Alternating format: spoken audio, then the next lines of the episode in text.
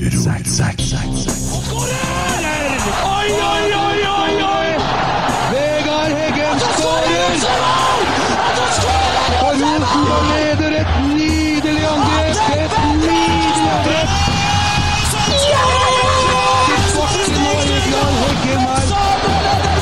Se det synet! Se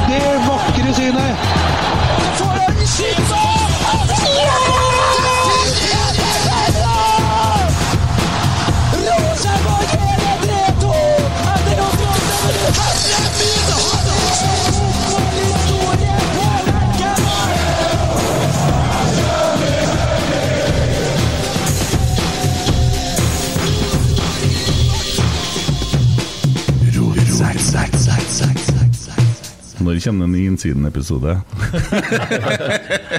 Du går rett dit, ja. Ja, det er jo det de gjør alle, ikke ja. Nei, jeg kan si det at uh, mine gode kollegaer Adrian og Erik sitter og jobber hardt med det akkurat nå. Kommer den i dag eller i morgen? I dag eller i morgen? Den kommer i morgen. I morgen, Ja. Onsdag Men jeg tror det kommer eh, Jeg tror jeg kan love eh, en eh, veldig god smakebit allerede i dag. Ja. Mm. ja, for det har jeg skjønt at i denne episoden så har det jo blitt tatovert noen rumper og noen greier, og man har fulgt uh, løven fra Singsaker litt. Renne. Det her tror jeg vi kan uh, si er Løven spesial, den uh, episoden som kommer nå. Det, vi, vi, det er jo litt spesielt, for vi hadde jo fire kamper i denne episoden her. Vi starta på Verdalen. Eh, så var det jo Hamar, Haugesund og så Vålerenga. Så det var vi, måtte, vi, vi kan ikke holde på å lage sånne Jeg vet at noen vil ha veldig, veldig lange episoder, men mm. det, vi må prøve å begrense oss litt. Men det blir mye Løven, ja. Ja, godt treff, da. Med det utfallet som eh, kom i Oslo. Eh, ja. Det var, det, var veldig, det var godt på mange måter, for å si det sånn. Ja, hvem er det nå som har tatt ansvar å roet ned Ole Sæter etter Vålerenga-kampen? Eh, Jeg syns jeg sånne bilder av at han var på fjellet i går. Er han sendt dit bevisst alene ned på ei seter, eller hvordan Ha-ha, Sæter! Så, oi, oi, oi, oi, oi. Ikke Sæter. Nei, nei. Nei, han uh, har jo sitt uh, paradis på Tingvoll, sier han jo. Ja, Så dit, eh, dit dro han. og- Tingvoll på Steinkjer? Nei, hva Nei, Tingvoll? det er mot Kristiansund. Å. Ja. Oh, ja, ja. ja, Tingvoll, nei, det er et hotell som heter Tingvoll på Steinkjer. Paradis på Steinkjer. Tingvoll. Nord Nordmøre, ikke sant? Jo, jeg Ja. tror det. Så Ja, sånn, det er dit, når vi kom hjem Vi lå jo, vi lå jo på Lillestrøm, av alle ting, etter kampen. Eh, Og så når vi dro hjem eh, Kom oss til brakka, så stakk han oppom studio til oss en tur, og så for han til Tingvoll. Mm. Så eh, Ja, og der tror jeg han eh, Jeg, tror- jeg syns eh, Ole han var litt sånn hadde noen Altså Jeg husker ennå vi var på Frøya i, i fjor, når han kom til Rosenborg. Og så skulle han ha et par intervju, og så kom han til meg og så sa han Stenseth, du kommer ikke til å tro hva jeg har sagt nå. Eh, ok, sa jeg. Og så gikk jeg, gikk jeg ned i resepsjonen, og der hadde han sittet og snakka med Simen fra Ja. Nidaros, blant annet. Eh, og da sa han Simen at jeg, jeg, jeg, kan ikke skrive det han jeg Du skal vite at jeg, jeg skriver ikke alt han sa, men noe må jeg skrive. Så ja. Så det starta jo der, egentlig, da, med Ole. hva sa han da? Nei, da var det jo at uh, Hva var det han sa? Han sa jo annet at Haaland var jo, skulle i hvert fall bli Norges Haaland, eh, altså i ja, Norge, og, ja. og vel så det. Ja. Og det var, altså, var, Han så jo ingen begrensninger. Jeg husker jo ikke alle titlene, men la oss si det, det, det, Både oss og spillerne kosa seg veldig med da. da. Ja, jo, men det er jo dere der har vi jo, og dere mangla litt kanskje også i noen år med Altså Vi hadde jo en Pål André som meldte ganske hardt, og vi, helt tilbake til 88, så vi starta med Mini Jacobsen, da, som var ute og laga underholdning. For man gjør jo det. altså Det er jo ikke eh, Rosenborg er jo mer enn bare 90 minutter på banen. Og det er jo mye av det representerer jo du. Ja, jo, jo, men eh, jeg er helt enig. Altså, Pål var jo unik der. Altså, Mm. han, Han var godt likt av alle. Han, eh, han kunne stille opp på en promo, og jeg kunne bare fortelle han tre stikkord, og så gjorde han det på one take, og så var vi ferdig.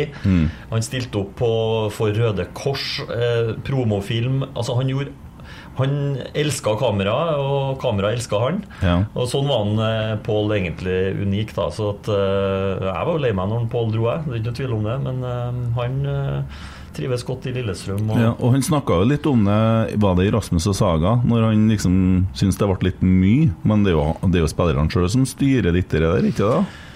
Ja, men jeg, jeg, jeg skjønner jo at en Pål syns det ble litt mye, da, fordi at han eh, Altså, alle samarbeidspartnere ville ha eh, Hvis det skulle lages noe, så ville de ha med han.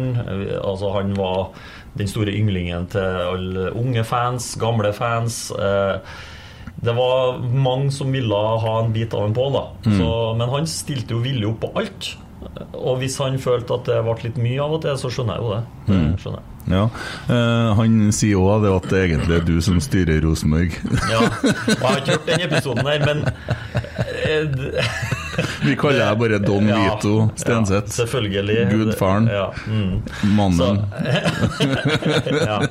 ja det har, jeg har sendt en melding til en Pål om akkurat det der, da, for å si det sånn. Nei, men vi forholder oss til det, vi, Ja. så vi skjønner jo at nå sitter vi med egentlig styrelederen. Det altså Han som sitter bak alt og trekker i trådene Eh, og Han som var styreleder, han var vel ikke akkurat usynlig, han heller. Nei, nei, men hvem er det som trekker i trådene, tror du? Ah, Det er de skyld. Nå legger vi den spøken der død. Ja.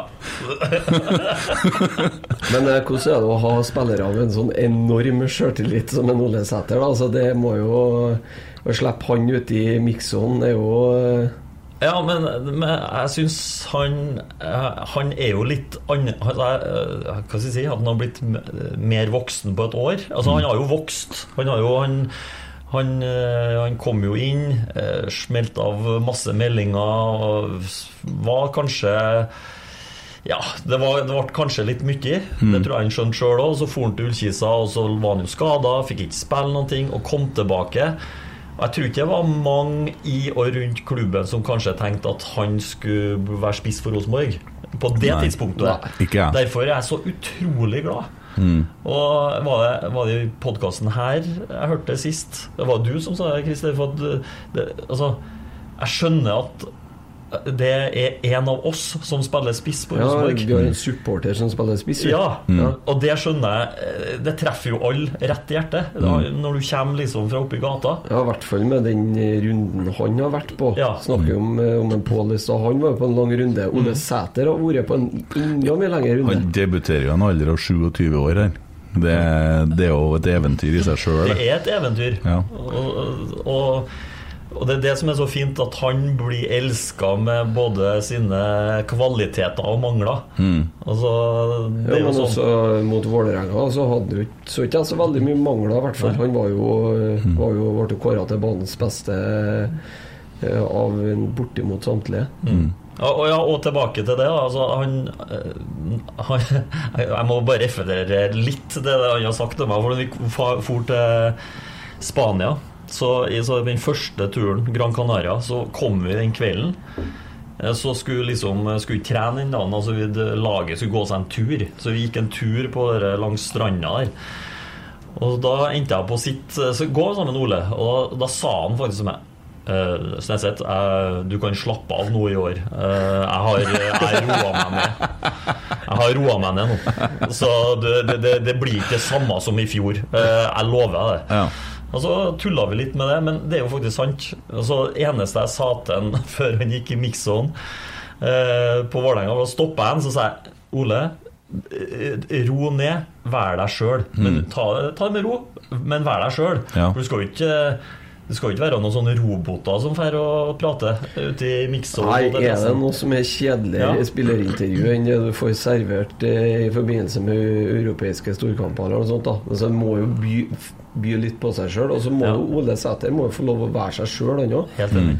Det er en av de mørkeste øyeblikkene jeg har sett de siste årene i Rosenborg-sammenheng. Det var da et intervju ble stoppa.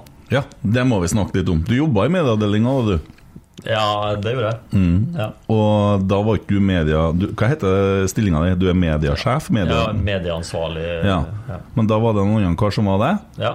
Og, Det var min sjef Ja. den, på den tida. ja, og han gikk inn og så trakk spilleren ut av intervjuet. Stoppa deg. Ja, det stemmer. Og det var ikke så smart trekk sånn overfor resten av Media-Norge. Nei, det var jo sikkert ikke det. Og det er jo Trond Alstad vi snakker om, sant? og han var jo min sjef i, i mange år. Og jeg er sikker på at eh, Trond uh, angra seg litt på det etterpå, og, Mm. og skjønte at det kanskje ble eh, feil. At, eh, og så var det ikke sikkert han skjønte at kamera Jeg, jeg vet ikke helt hva som Det kan jo være han misforsto konteksten ja, Ja, mulig og det- og men det- poenget var at det, det så veldig, veldig dumt ut når Ja. det skjedde. Og, og, det- ka og kameraet rulla, sant. Ja. Og da, så det er jeg helt sikker på at uh, han tenkte i ettertid at uh, ikke var sikkert ikke det lureste han gjorde da, men eh, kjenner jeg han rett, så gjorde han det egentlig i beste mening, sjøl om alt kom ut feil. da Jeg lurer, jeg lurer på en ting til.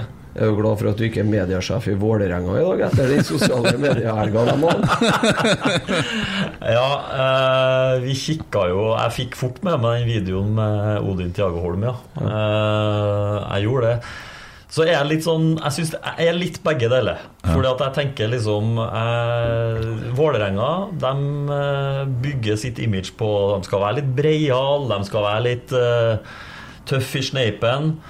Og så er de det på tross av at det har gått dårlig. Så det, det tenker jeg at det må du respektere Ja, på et det, vis. det er kult at de fyrer litt. Ja. Det har ikke noe Ja. med det å gjøre. Altså. Men Nei, eh, nei, så kan du sikkert mene mye annet om uh, Ja, men for oss budskapet og Ja. hvem som sier det, og Jo, ting, men men det Ja, for, for, for oss da, så Odin Tiago Holm Han har jo gjort mye vondt imot akademiet Fordi at han har gått ut og snakket om eh, Ja, det, vi, har, det snakket snakka om bare for et par dager siden her Og så ender det sånn som det gjør eh, Etter den videoen de la ut med han Han blir tatt av banen, de taper 4-0 Og sitter her med postkassa full av skjegg osv. Mm. ja, men dere der er jo, dere er jo egentlig et bedt bet de setter da, før helga. Ja. De går ut knallhardt og, og går ut veldig høyt, og så satser de på at eh, her kommer det et Rosenborg som er litt småshaky, og så vinner vi den, og så ser vi ut som vi er King Kong etterpå. Så la jeg merke til at Erik Grønning Han var inne og kommenterte For det kom spørsmål Skal ikke Rosenborg slå tilbake så Vi velger å gjøre det på banen Vi er vel ingen av lagene her som er i posisjon til å holde på sånn egentlig Og det er ganske smart å melde Synes jeg selv om han gjorde jo det som privatperson da. Jo, jo. Men det, jeg så ikke at Eirik skrev det, Men det det- syns jeg hørtes veldig fornuftig ut. For, at, for det, det kom jo en del sånne oppfordringer. Jeg fikk litt i innboksen min og sånn liksom nå faen, nå må vi vise dere Nå må vi slå tilbake. Og, Men eh, jeg kjente veldig på det at eh, det Det er artig med litt sånn banter og alt sånne ting, men jeg vet ikke. Jeg følte bare at eh, la nå dere stå for seg sjøl. Og så så, så var det litt sånn på 4-0 på Intility når jeg satt der og liksom tenkte Åh, ah, hvor deilig.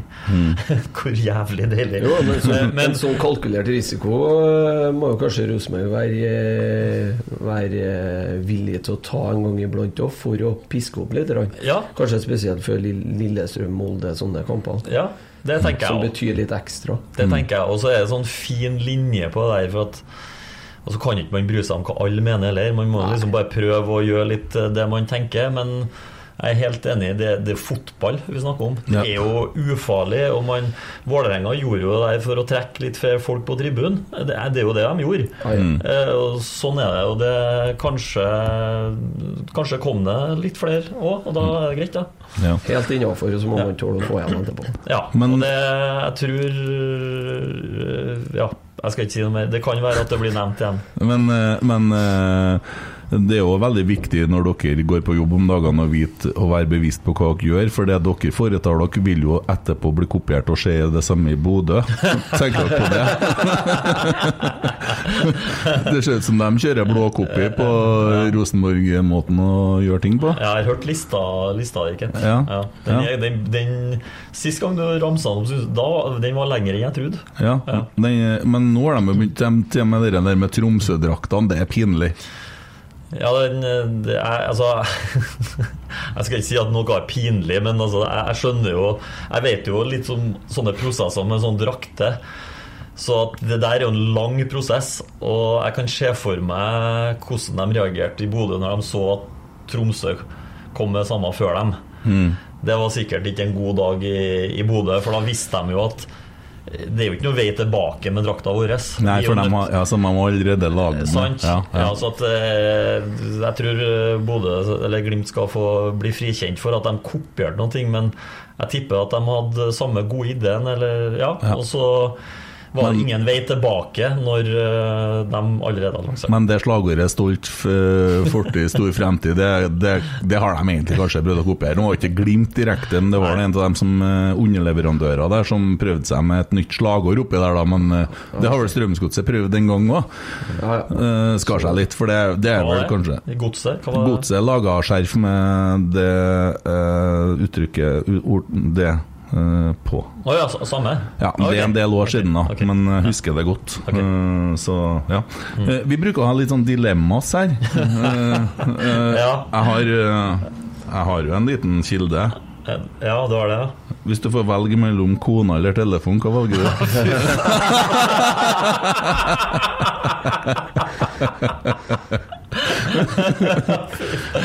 Det er en grønning som har vært på tråden? Nei, eller? det sier ikke jeg noe om. Nei, nei, nei, nei.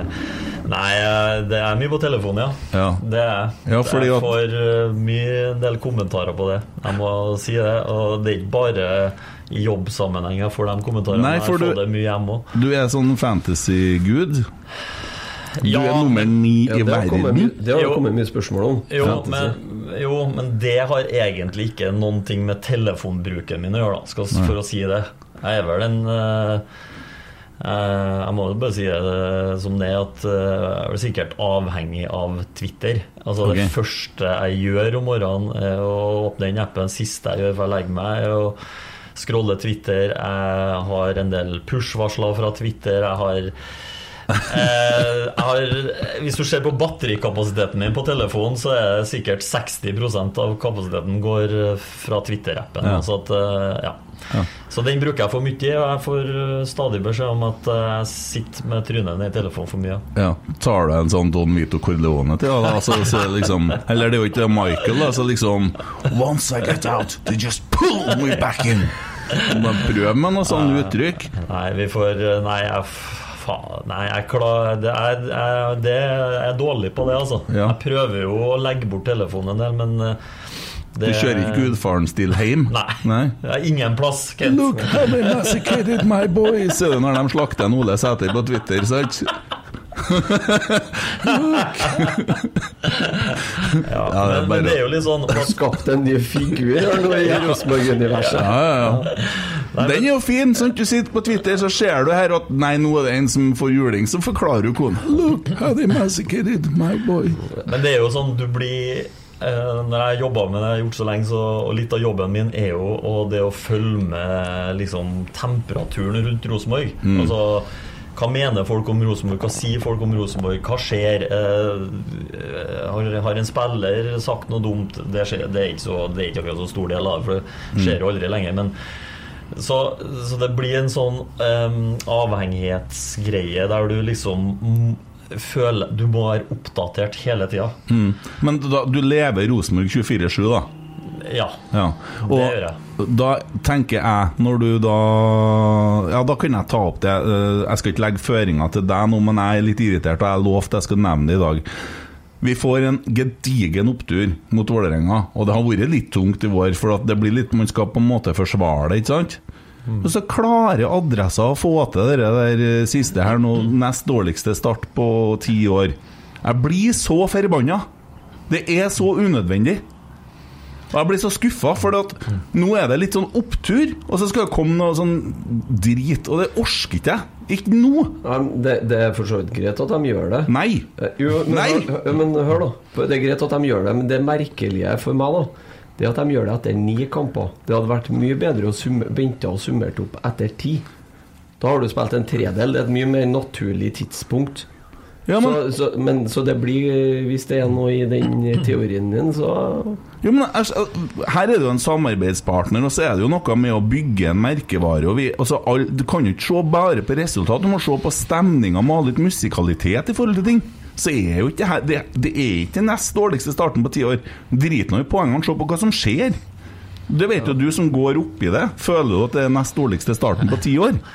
Uh, nei, Det føler ikke jeg. Eh, Men så er det jo sånn at eh, journalistikk er valg hele tida. Mm. Og så kan man være uenig om valgene, fordi at når Og så vet ikke jeg om det er Steffen som skrev Steffen Stenersen, da. Det stemmer godt, det var han, ja. Jeg lovte nå at jeg skal ta han òg. I dag ble det han. Jo, jo, men jeg vet ikke om det er han som har skrevet den tittelen eller ikke. Mm. Eh, Det er jo Noen ganger så blir jo ting deska opp. Så at, men eh, det er klart at journalistikk er valg, så Mm. man velger alltid veien inn på en sak, og hva tittelen er. Og det er jo klart at vi vet jo at eh, de flest, aller fleste leser bare tittelen Mm. og ingressen. Og så får, skaper det et inntrykk. Og så eh, kan vi sikkert i Rosenborg bli lei av at det er den veien man føler kanskje ofte at man tar. Og så kan det være at eh, jeg sitter jo i Rosenborg og mener det, og så sitter de på adressa og gjør sine valg, så det må man jo respektere. Men kan jeg, kan jeg spørre om en ting, da? I, altså, hvor, hvor åpent er det egentlig? Hvis jeg hadde jobba i eh, Nidaros eller Adressa, eller VG for den saks skyld, og ringer til deg og sier at jeg vil lage en eh, grundig, ordentlig større reportasje om et bestemt eh, del av sport da, i Rosenborg. Er det noe som du kan gi Da kan du gi litt eksklusiv tilgang og sånne ting? Eh, ja, altså det, altså, det jo- klubben opp, da, for å si det sånn? Ja, det, det vil jo jeg mene at vi gjør, da. Altså, det er også uh, En av også mine oppgaver er jo med, altså pressehåndtering. Altså det med å håndtere alle pressehenvendelser. Og i Rosenborg så har vi laget et Vi har funnet våre regler på hvordan vi vil ha det. fordi at det er såpass mye trøkk rundt oss, noe vi er kjempeglade for. Men trøkket er såpass, mener vi, da, at eh, klubben ønsker at alle henvendelser skal gå inn til meg, og så skal jeg ta det videre med spillerne. Så at de f.eks. slipper å bli oppringt klokka ti på en kveld om et spørsmål eh, som kan være hva som helst. Eller whatever. Kom sant? som vikar i rotsekk, det tar vi direkte. Ja, ja, ja. Dere er un- un- un- unna den. Men eh, så, så, så i utgangspunkt Tove kjører sitt, sitt eget løp, det, og, det, det må hun bare gjøre. og sånn da Men eh, stort sett rundt sport da så skal det gå eh, via meg. da Enn rundt styreleder? Eh, Nei, ikke rundt styreleder. Nei. Eh, men det, det Det burde ha vært det, si. Jeg spør jeg for en Petter eh, Rasmus. Hen eh, det her, her evalueringa som ble gjort av seg sjøl, og det konklusjonen som kom der, som en eller annen fyren gjorde Han har snakka om det mange ganger etterpå. Det var gjort en sånn undersøkelse blant de ansatte i Rosenborg osv. Det var jo en NTNU ja. Og så fikk de aldri tak i hva som var konklusjonen der. Og det har jeg hørt han har nevnt mange ganger. Ja, den eh, saken må jeg med litt pass på, for jeg husker så vidt hva du snakker om, men det begynner å bli en del år tilbake, så det var ikke jeg direkte involvert i, da. Det må jeg bare si. Men jeg husker at det var en sånn Det undersøkelse. var høsten 2018. det. Er klubben så åpen at man ville ha gitt det i dag, hvis det hadde vært gjort en sånn undersøkelse? Eh, jeg tror eh, ja, men eh, jeg, det kan ikke jeg svare på. Men jeg, jeg tror jo ja, og jeg vil jo mene at Rosenborg er eh, veldig åpen. Og så er det sånn at du har en definisjon av åpen, du har en definisjon, definisjon av åpen, adressa har sin definisjon av åpen. Eh, hva det er for noen ting.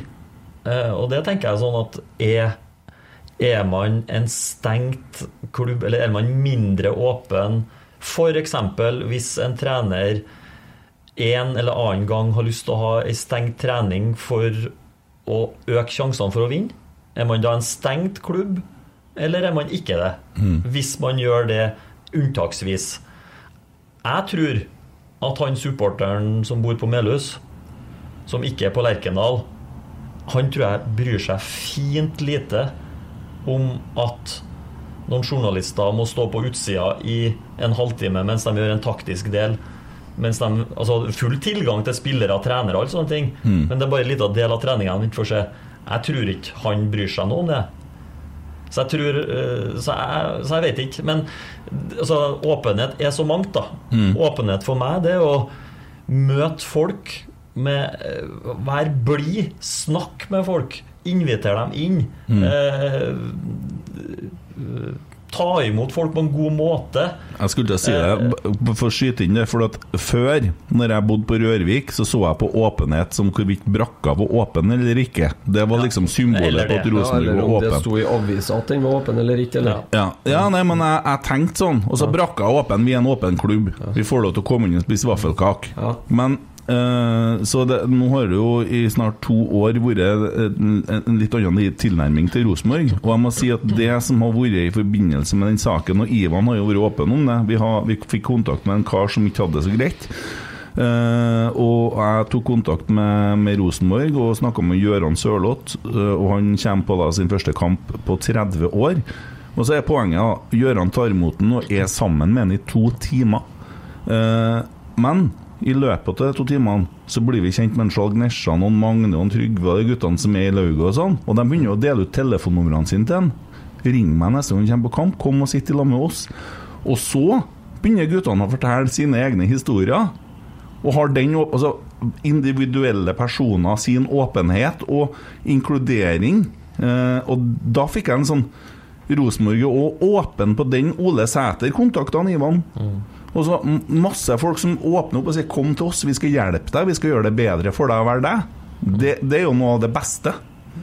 Jeg er helt enig. Mm. Og, og vi så, Rosenborg er en fotballklubb som skal vinne Nei, fotballkamper. Selvfølgelig er vi det, men Rosenborg er så mye mer. Mm. Og det er sånne historier som gjør meg mest glad, Mm. faktisk.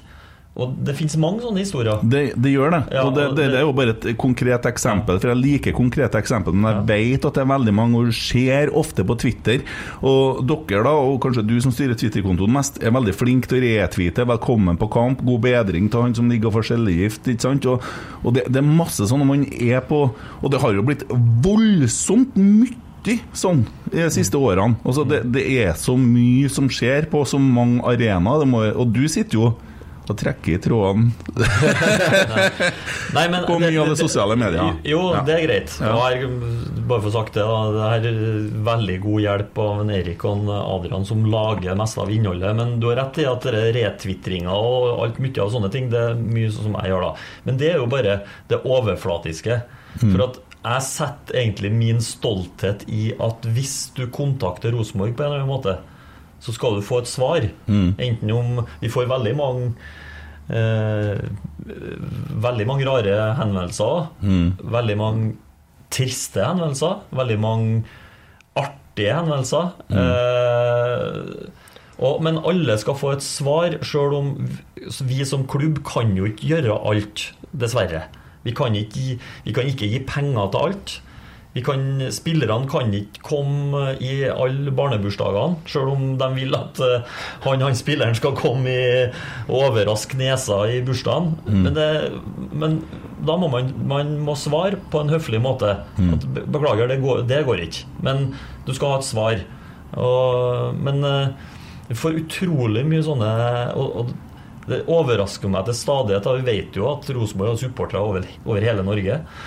Men eh, jeg overrasker meg til stadighet i hver krik og krok av landet her så sitter sitter sånne skikkelig blodfans. Og der er det masse gode historier, men det er også veldig mye triste historier. Eh, det er det. For at eh, jeg kan jo nevne Senest i forrige uke så får jeg en mail fra en gutt som eh, hadde lovt broren sin å dra på Lerkendal, for han var kreftsyk. Mm. Men de rakk ikke. Han var 14 år gammel Mm. og ber, ber om Liksom, kan jeg få ei drakt Mm. til å liksom ha på kista? Det, da blir det sånn Mm. Det blir sterkt for meg, altså. Ja, det skjønner jeg. Ja, og da fiksa vi det, selvfølgelig. Og da sender han meg et bilde, liksom, av det der. Mm. Og da, da er det mer enn fotballkamper. Ja. Det er Rett og det. slett. Det er bare for å avslutte litt sånn om den åpenheten. Altså, vi snakka om den undersøkelsen. Eh, bare for å sette en strek under den. Den eh, Svarene fra den undersøkelsen ble publisert, men på et medlemsmøte. Oh, ja. Ja, sånn var det. ja. Stemmer. Okay, ja, bare... Der ble det lagt fram. Ja. Uh, Og da i, an, i det? anonymiserte okay. uh, litt sånn eh, kategorier, skulle jeg si. Ja, ok.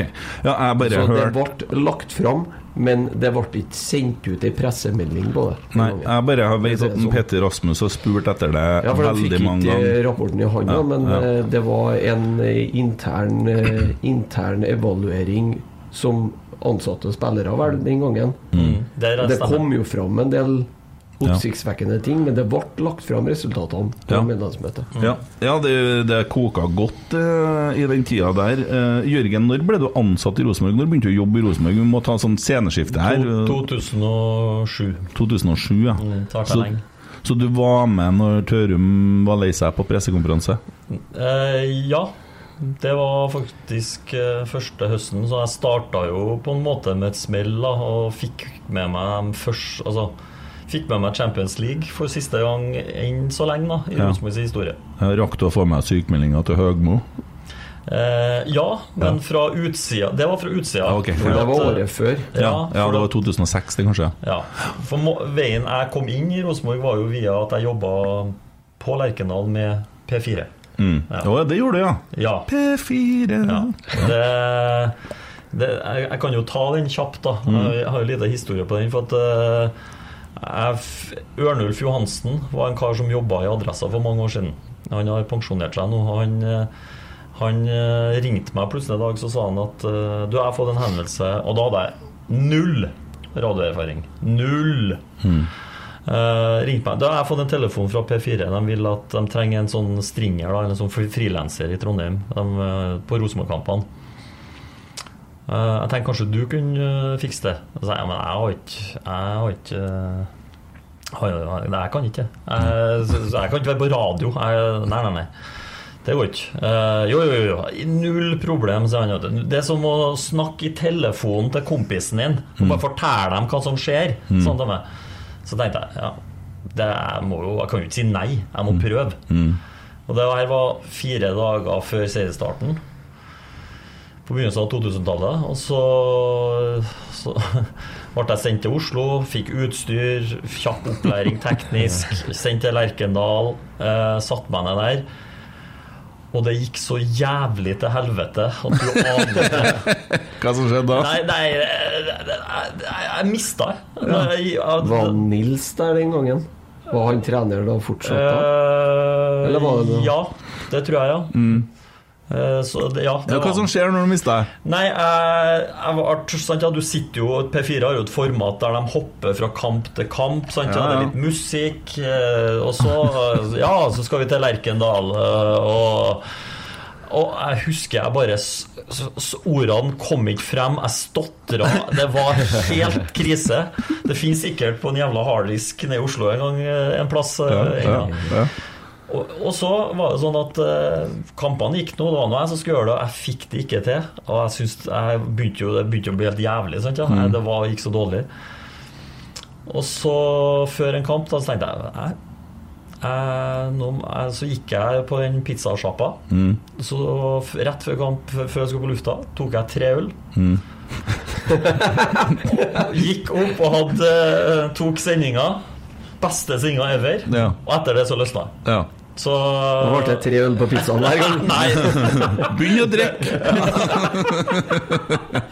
ja. Fjern angst. Ja. Det, det skal vi gjøre. Kikka på meg med litt sånn Jeg vet alt om Nei da. Det, nei, jeg gjorde ikke det flere ganger, men det løsna. Ja. Og så ble jeg der i P4 i noen år, da. Helt eh, Odd Rune Volden henta meg inn i teamet når Nils Gutle bestemte seg for å lage eh, medieavdeling. Ja, for det var den storsatsinga den gangen, det. Ja. Det var, jo, det var jo når Det her var jo i kjølvannet av uh, boomen i norsk fotball, når TV 2 tok over rettighetene. Mye penger. eh, og ja, Tanken var jo at man skulle lage eh, alt innhold sjøl, og det var TV-kanaler, og han lot seg inspirere av det som skjedde på kontinentet. og sånne ting. I 2007 så hadde vel Rosenborg et snitt på nesten 20 000. Ja, ja. Så mm.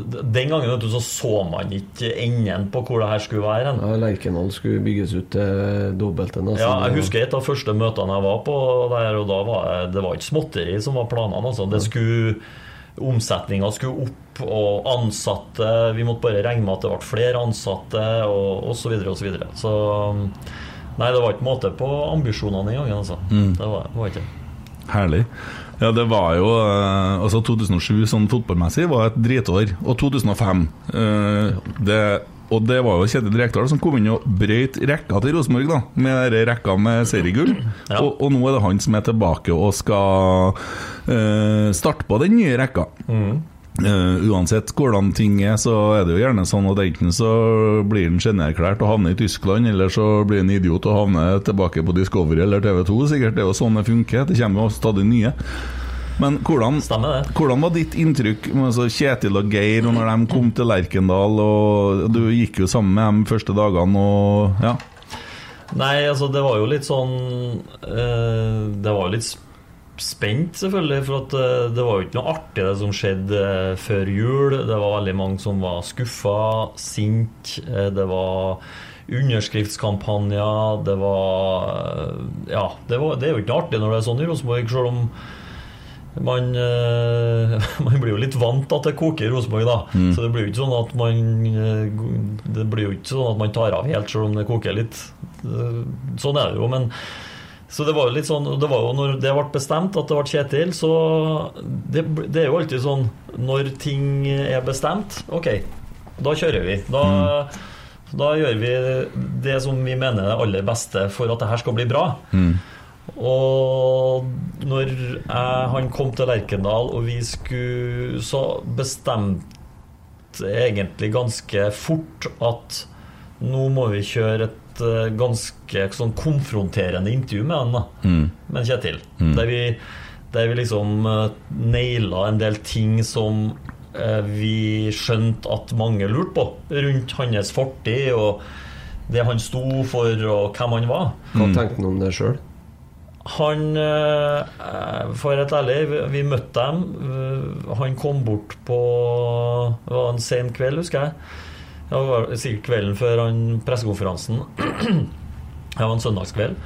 Så var vi bare på omvisning bort der. Vi tok dem med i garderoben, satte den ned. eh, Og rett før vi starta, så sa jeg du Vi hadde ikke snakka særlig sammen, møttes der. Så sa jeg du, jeg kommer til å stille deg noen kanskje litt sånn eh, annerledes spørsmål òg. Spesielt ut ifra en sak som, man, som var laga før. da Og det sa han, ja, det er null problem, det. Ikke noe problem. Og, det, og det skjønner jeg i ettertid at han sa, for det er litt sånn han er. da Har jeg jo lært han å kjenne etterpå. Så, og når vi da øh, gjorde det intervjuet, så fikk det jo det veldig god respons. Og, og det tror jeg vi Det tror jeg ble veldig bra. da At vi kjørte en litt sånn annen stil i det intervjuet. Vi la det ut tre timer før pressekonferansen. Alle fikk sett det før pressekonferansen. Eh, og det kom, det kom i hvert fall ikke noe sånn spørsmål om de tingene der. Så jeg tenker at det var en fin ting å gjøre, da. Ja, vi, jeg, var, jeg vet ikke hvor mange allerede da Hvor mange meldinger jeg hadde sendt deg om at jeg skulle ha en Kjetil Rekdal i studio her, men det var mange. Jeg begynte faktisk før han ble ansatt. For jeg begynte å si Vi skal ha den nye treneren. Og så når han ble ansatt, så ja. Og sånn Så- ble det. Ja, og for dem som tror at det For det har jo vært òg uh, stilt spørsmål om Og vi blir jo beskyldt og har fått spørsmål om vi jobber for Rosenborg med rotsekk. Og om eh, det har blitt Utvida medieavdeling, vet du? ja, og at det har blitt plassert folk her, og at det har blitt plassert spørsmål her. Nei. Det er jo ikke sånn. Nei, nå har jeg fått kjeft av deg for at jeg ikke går via deg, for jeg går direkte til folk. Nettopp. Ja. Eh, og ordner avtalene sjøl. Ja. Men eh, vi, altså, det eneste vi har gjort i forhold til det, det kunne jo jeg altså, eh, vi, jeg og du har jo fått en relasjon, for det er jo naturlig. For at Ja. jeg spør jo og, og, og ønsker ting, kanskje gaver til folk, eller eh, gjester, eller sånn. Og det er jo naturlig. Men har vel aldri en eneste gang vært i nærheten av å, å, at du har sagt at han må være gjest i Rotsekk, eller noe sånt? Nei. Det har ikke skjedd, nei. Nei? Men jeg har nå prøvd å hjelpe til og med dem du har spurt om. Men det gjør jeg til alle. Jeg gjør det til hver dag til adressa Nidaros. Så prøver jeg Vi prøver jo å tilrettelegge Jeg vet ikke om jeg, aldri, jeg, ikke om jeg svarte deg på det spørsmålet i sted, men jeg, jeg, tror, jeg tror at eh, de aller fleste som kontakter oss er, er, av presse, er, godt fornøyd, tror jeg. da Det er mitt inntrykk. eh, At eh, de fleste får det de ønsker, og så er det noen ganger det ikke går. Og så har det vært to veldig vanskelige år som har med covid, som har gjort at kontakt og alt sånne ting, og det har vært litt utfordrende. Men nå er vi tilbake til hverdagen, og nå tenker jeg at eh, jeg tror de fleste det får, ja, får det de vil, og så er det Ja, for mitt, mitt inntrykk eh, er i hvert fall at eh, Rosenborg som klubb altså Snakk om folkene da, som jobber der, og som har verv der, og som er der i dag. De er veldig både hyggelige og åpne og tar seg tida. og ser jo på det før og etter medlemsmøter og årsmøter. Eh, ellers hvis en er på kikker på trening eller før og etter kamp. Mm. Så det er Sånn sett så er Og det er jo Det er mer åpenhet for meg enn om eh, VG og nettaviser skal ha fri tilgang til garderoben etter kamp. Det driter jeg i, for å si det rett ut. Ja, ja nei, det, det var det litt jeg var inne på i sted. Ja. da Fordi at uh, det kan jo være, bli litt sånn at uh, pressen blir uh, kanskje innimellom litt sånn sjølopptatt akkurat på det punktet. Ja, og så jeg- misforstår de kanskje. Og jeg er oppvokst i Altså, jeg er født i 88, så jeg er født det året den nye storhetstida begynte. Og oppvokst med det at brakka var alltid åpen når man Nei. For min personlige mening er at jeg forstår veldig godt at det er restriksjoner på brakka. For det første så er det en arbeidsplass. For det andre så er det der spillerne sitter og spiser og Altså, jeg slipper ikke inn eh, Det er begrensa hvor mange jeg vil ha på lunsjrommet mitt eh, av utenforstående, selv om det er noe helt annet. Så at man har Men det vil jo ikke si at man ikke er åpen på andre områder. Nei. Og, og, og skal bare få sagt det, da. Brakka er ikke stengt, hvis det er noen som tror det. Brakka er åpen. Det var er derfor jeg sa restriksjoner. Ja, ja, og, men det kan jo Det her er også litt sånn covid-relatert, da. For brakka har vært stengt, ja. I to år. Eh, og sånn, men sånn, er, sånn har det jo vært overalt. Eh, men eh, det som er på Det som er litt annerledes nå på kampdag, det er jo at spillerne spiser på brakka. Eh, De har kampmaten sin der. Det gjør det jo naturligvis litt vanskelig, og, og du kan ikke slippe inn Kud og hvermann de sitter og forbereder seg til kamp. Det tror jeg alle supportere skjønner. Så Derfor har du jo åpna ned kjelleren. Så det går an å stikke innom brakka, men du kommer ikke inn på akkurat det rommet på kampdag.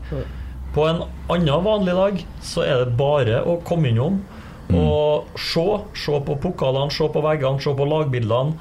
Og så er jeg helt sikker på at det er noen som er der, som sier hei og byr på en kaffe.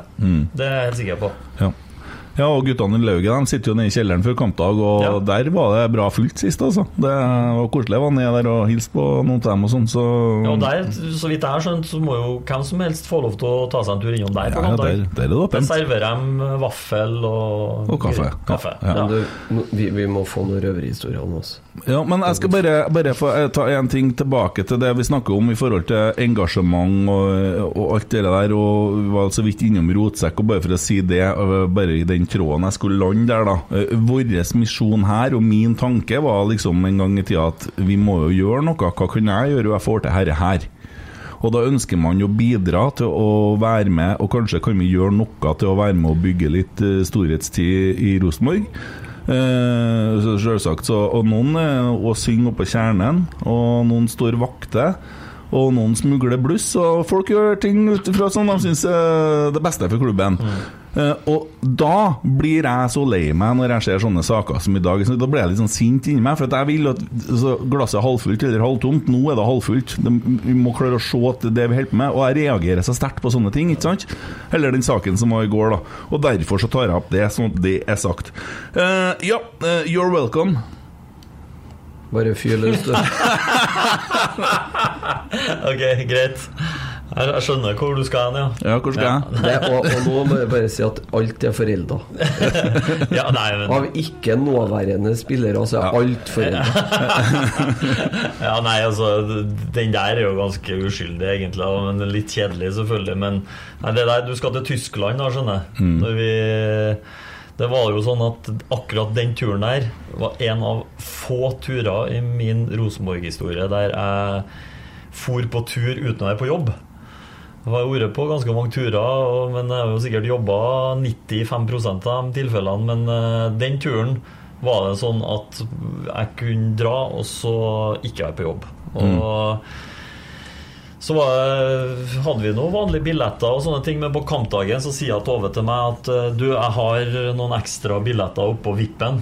Eh, og jeg hadde jo med meg fruen, og vi så takka vi ja til det, var hyggelig. Eh, tenkte vi ja, får vi litt mat og litt sånne ting, og det for nå dit. Og det var jo mot Leipzig der, da. eh, siste kampen der. Og der var det god stemning fra tidlig før kampen. Eh, veldig mye sånn glyvein, husker jeg. det ble veldig mye av det.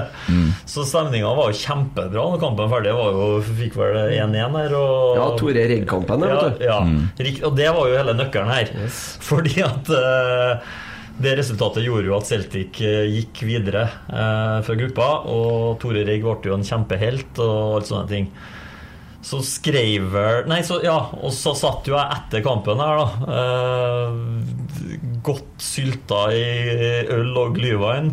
Og skulle liksom eh, Tenkte jeg nå skal jeg være litt artig på Twitter. så jeg, sk jeg vet ikke om jeg retvitra det, eller om jeg bare skrev det. Ja, du det. sitter-at-retweeta, tror jeg. Så du Noe Celtic skrev, Ja. Eller, ok, ja. ja, for de takka kanskje Rosenborg og sånn. Mm. Ja, sånn det. Så skrev jeg vel eh, Da skrev jeg vel feil, da. You're welcome. Ja, ja. Skrev jeg feil. Tweeten fikk jo fart på seg som bare juling. Så, den, så mange som fikk med seg den skrøfeilen, for å si det sånn. Det var, men det var jo uskyldig, da. Av eh, flere feil vi har gjort, så var jo dere ganske uskyldige, må jeg si. Ja, du snakker om Tore Rigg. Er han det verste intervjuobjektet du har hatt, eller er det Alexander Sjølund? Eh, Tore, vet du, han var alltid sånn Hver gang vi skulle gjøre noe med han, så måtte jeg all, må alltid krangle i en i lang Han skal Nei, jeg orker ikke, jeg orker ikke, jeg orker ikke, orker ikke. Nei, gidder ikke, gidder ikke. Og så til slutt så gjør han det. Så sjøl om vi begge to visste at du kommer til å ende opp med å gjøre det, så skulle han alltid gjennom den der mølla der, da. Så det hadde vi jo mye artig med, og så ble jeg sikkert forbanna noen ganger, sikkert. ja. Og Alexander Sjødelund, ja.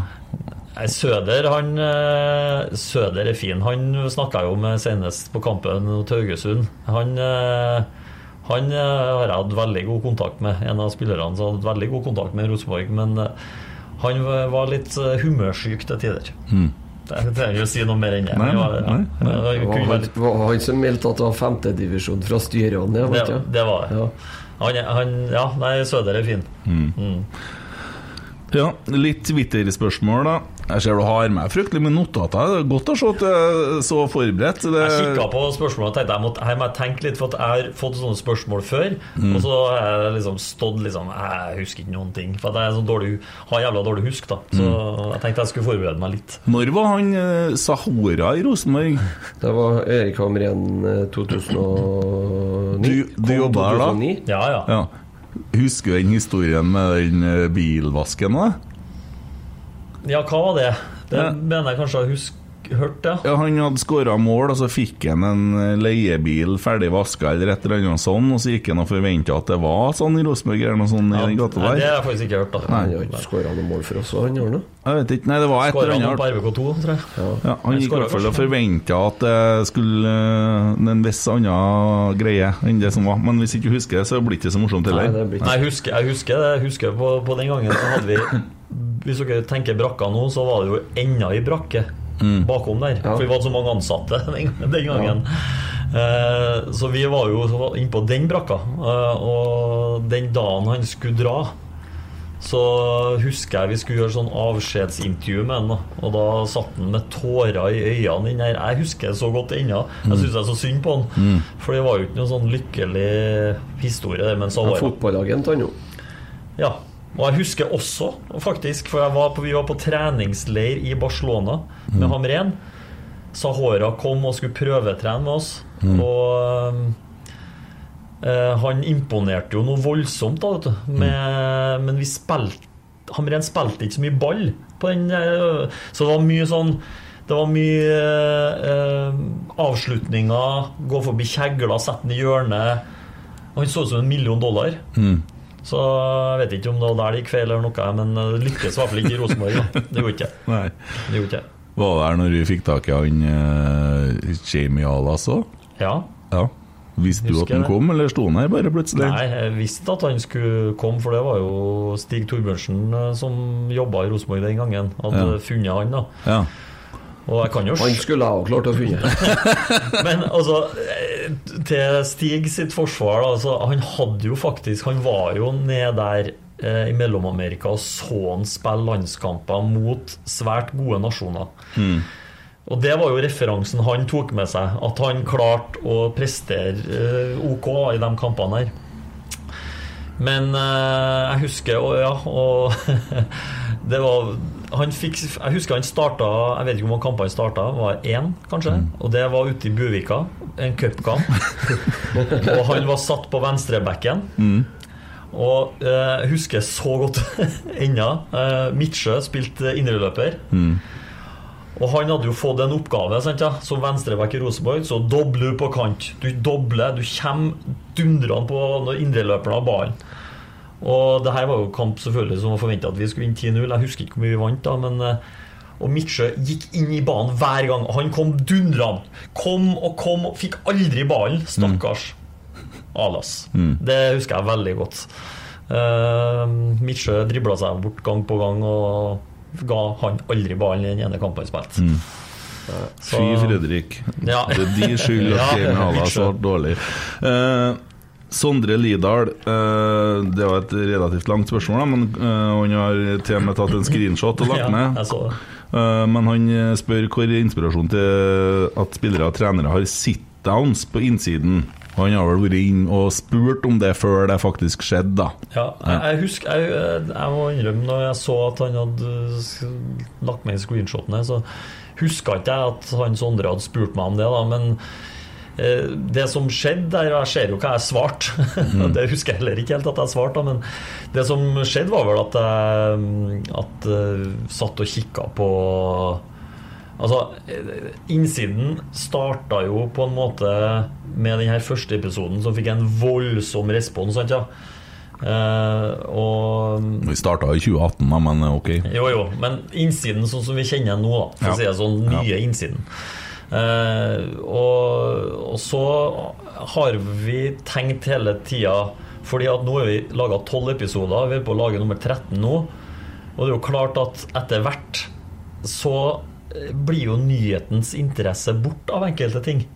Det er jo sånn, ok, Hvis du har sett han gjort det veldig mange, så var det sikkert artig i februar, men det er ikke så artig lenger. Så vi, vi begynte jo å tenke hvordan kan vi utvikle det her, og så legge til nye element, eh, ja, og så videre.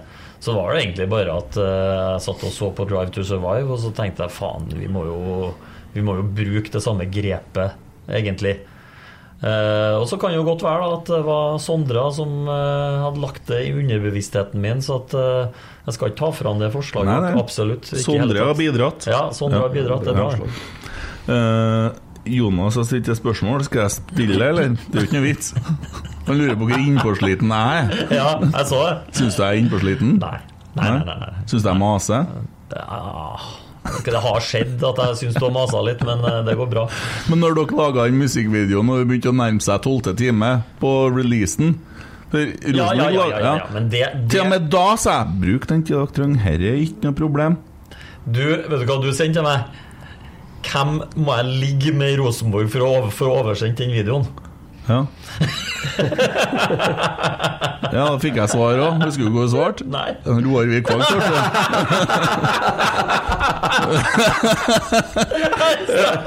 Så skal jeg been there, done that. Kom med videoen.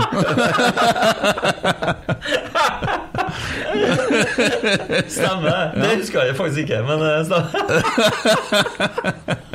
Nei, men jeg er jo veldig takknemlig for at dere lager den videoen. Det er klart. Jeg betalte jo bra for den, for å si det sånn.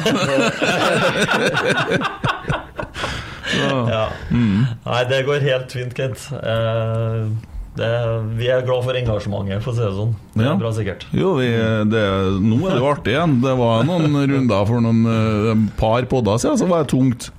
Ja. Uh, Etter Haugesund, da var det tungt. Ja, og jeg synes, Når vi hører på rotsekkepisoder tilbake, så er det ganske godt gjort at vi blir beskyldt for å være positivitetsmafiaen. Altså, for det at uh, med, Det har gått ganske langt noen ganger. da det, Når vi har tapt kamper, og sånn, så har jeg ikke vært raus. Eh, Men ennå så skylder en- han Jensen skylder oss en terning. Nei, fikk du etter Jo, men jeg fikk jo ikke Jeg fikk jo ikke den forrige. Jeg skulle- Han skylder meg en terning, det kunne man hilsen å si. Jeg Han fikk minus seks, han. Ja. Så det er nå så. Eh, Lone spør hvor irriterende det er at folk maser på innsiden. ja, det er jo det artigste som er. Ja. Ja, så vi er jo ja, så fornøyd eh, med, med mottagelsen den serien har fått. Og jeg kan ikke si noe annet enn eh, kudos til Eirik Grønning og Adrian Bredesen som sitter og jobber hands on med det her. Vi deler jo mye på filminga, det gjør vi, men det er jo dem som sitter og koker ut produktet. Og så ansatte vi jo Adrian i fjor høst, og så har han kommet inn med en litt sånn spissa kompetanse på på det her med filmfaget, videofaget. Så det er jeg sånn, litt sånn ekstra stolt over. Det er jo at vi Det skal folk vite. Vi sitter faktisk og flikker på hvert et lille overgang. Vi bruker utrolig Det er derfor det tar litt tid, da. Ja. Fordi at vi, vi har så lyst til at det skal bli så bra som mulig. Så at hvis det er liksom Nei, lyden blir litt feil. Nei, overgangen der så, Sånn sitter vi og ser gjennom. Sånn at du kan jo tenke deg Hvis en episode varer 50 minutter, som, eller 40, eller hva han har gjort uh, siste gangene, så det tar litt tid å komme seg gjennom det. Og det er det guttene sitter med nå, da, og flikker og holder på. Har det blitt mer populært enn dere trodde på forhånd? Mye mer. Altså, Det tok jo helt av, den første episoden der. Det er nesten like mye streama som den sangen, vet du. Den videoen. Eh, ja. Nei, men eh, faen, det har faen, det har faen meg vært artig, altså. Og så er det klart at det tar veldig mye tida, men det er jo ikke noe artigere enn å prioritere det når det går så bra, og da Altså, jeg tror jo det, det, det er jo kjempeartig. Jeg er ute på Verdalen, sånn jeg går og filmer, så hører folk rope 'Innsiden! Innsiden! Jeg vil være med på innsiden!' Ute på Verdalen. Og Adrian var nede på Hamar. Og det er HamKam-fans som sitter oppe på tribunen. 'Innsiden! 'Innsiden! Mm. Så, så det er liksom du Og jeg, jeg, jeg vet jo at det er veldig mange andre lagsupportere som sitter og kikker på, Ja. som er nysgjerrig Ja, ja. på det som foregår i Rosenborg. Og ingenting eh, gjør oss gla gladere enn en det, men ja. Da Da får jeg- er vi jo med oss og løfter norsk fotball, da. Så sånn Bodø har noe å kopiere. Eh, Men da må jeg spørre deg om en ting. Eh, For en stund tilbake så var det en eh, garderobeprat som ble filma. Og så kommer det ut eh, redigert som det gjør. Og så blir det kritisert av enkelte uh, journalister, skråstrek uh, Jeg skal ikke si navn, uh, men eh, folk som er eh, fag... Ja. Eksperter. Ja, og som kritiserer eh, den garderobepraten til Kjetil Rekdal på Twitter. Og det blir det ganske mye kok rundt. ja. Eh, kan du si litt om hvor mye dere filma egentlig i den garderoben? Nei, men det jeg har lyst til å si litt eh, Husk at du skal komme tilbake dit, da, men det jeg har lyst til å si litt om, da, det er jo at som sagt, jeg sitter jo og følger med hva veldig mange Hva du skriver, hva han oppe i Snåsa skriver, og følger utrolig mange Rosenborg-supportere på Twitter for å liksom fange opp hva som skjer, og hva snakkes det om, og litt sånne ting. Og også andre som har langt flere følgere, som har eh, ganske stor påvirkning, eh, som mener noe om Rosenborg. Og da er det jo sånn at jeg de kan jo, jeg, kan jo, jeg har jo lært meg men du kan jo rive deg i håret av å lese alle meninger og bas, veldig sånn bastante ytringer om at sånn er det, eller han gjorde sånn, og han sa sånn, eller Tove gjorde det, eller han Som jeg vet at ikke stemmer. Sant, ja? Men jeg kan jo ikke Jeg har jo ingen eh, misjon skal sitte som sånn Twitter-politi. Det hadde jo vært helt håpløst. Sant, ja? Så, så Det lærer- blitt travelt, ja. ja. Det You're welcome. Det ble jævlig travelt. Men av og til så føler jeg for å si noen ting.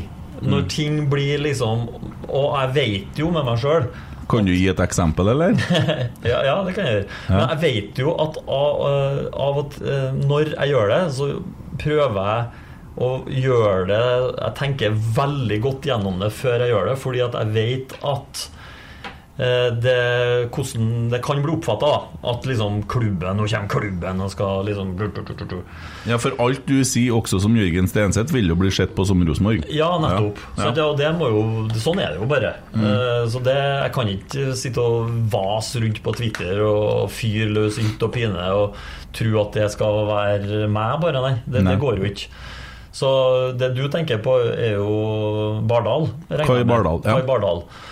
Og Nå skal ikke vi ta den saken, for han er jo ikke her og snakker for seg. Men akkurat da følte jeg for å forsvare en, noen jeg jobber med, noen, en kollega som jeg følte ble urettferdig behandla over fra en som er respektert og hørt på veldig mange. Da. Og da følte jeg for å ta litt til motmæle, uten å si altså, Det var bare det. Og, og, og, og grunnen til at jeg valgte å gjøre det til han, det er for at han representerer eh, VG.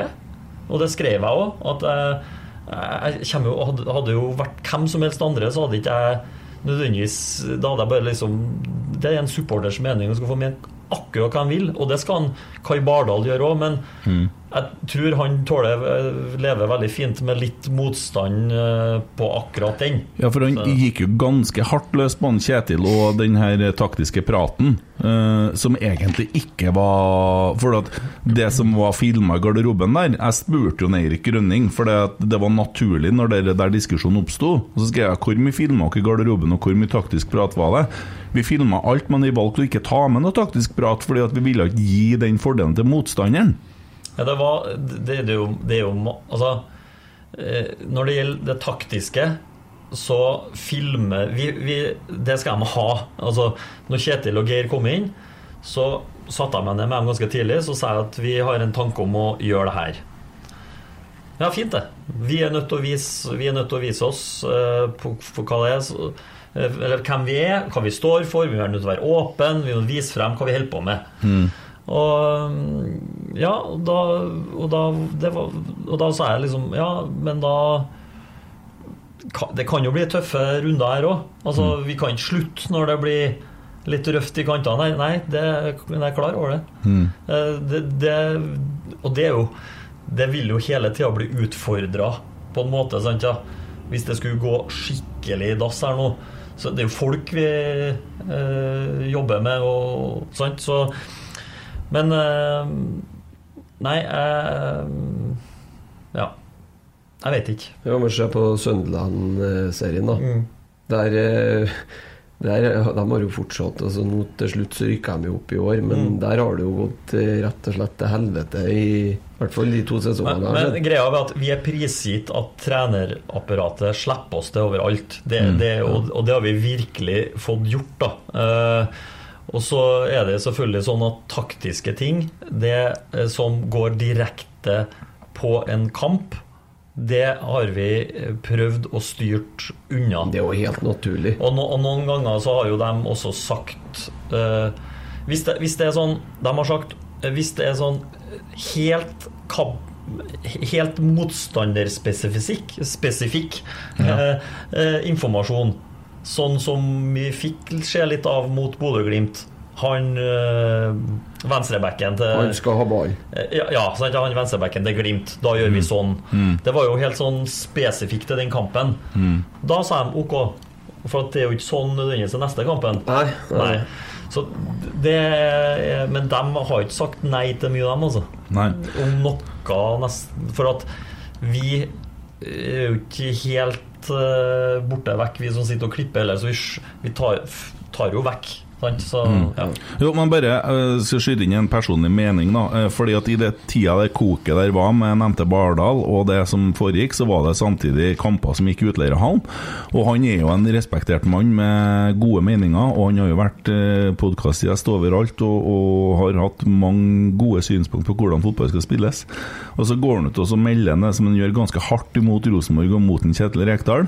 Og så ser jeg noen dager etterpå, så er hele futsallaget og ser på Rosenborg-trening, men ikke han. Han var vel den eneste som ikke var her. Da ble jeg litt lei meg, for at det er jo så åpent. Det er jo bare å komme og se hvordan det blir trena, hva som er filosofien, og hva man øver på. Ja, nå har han svar for sjøl.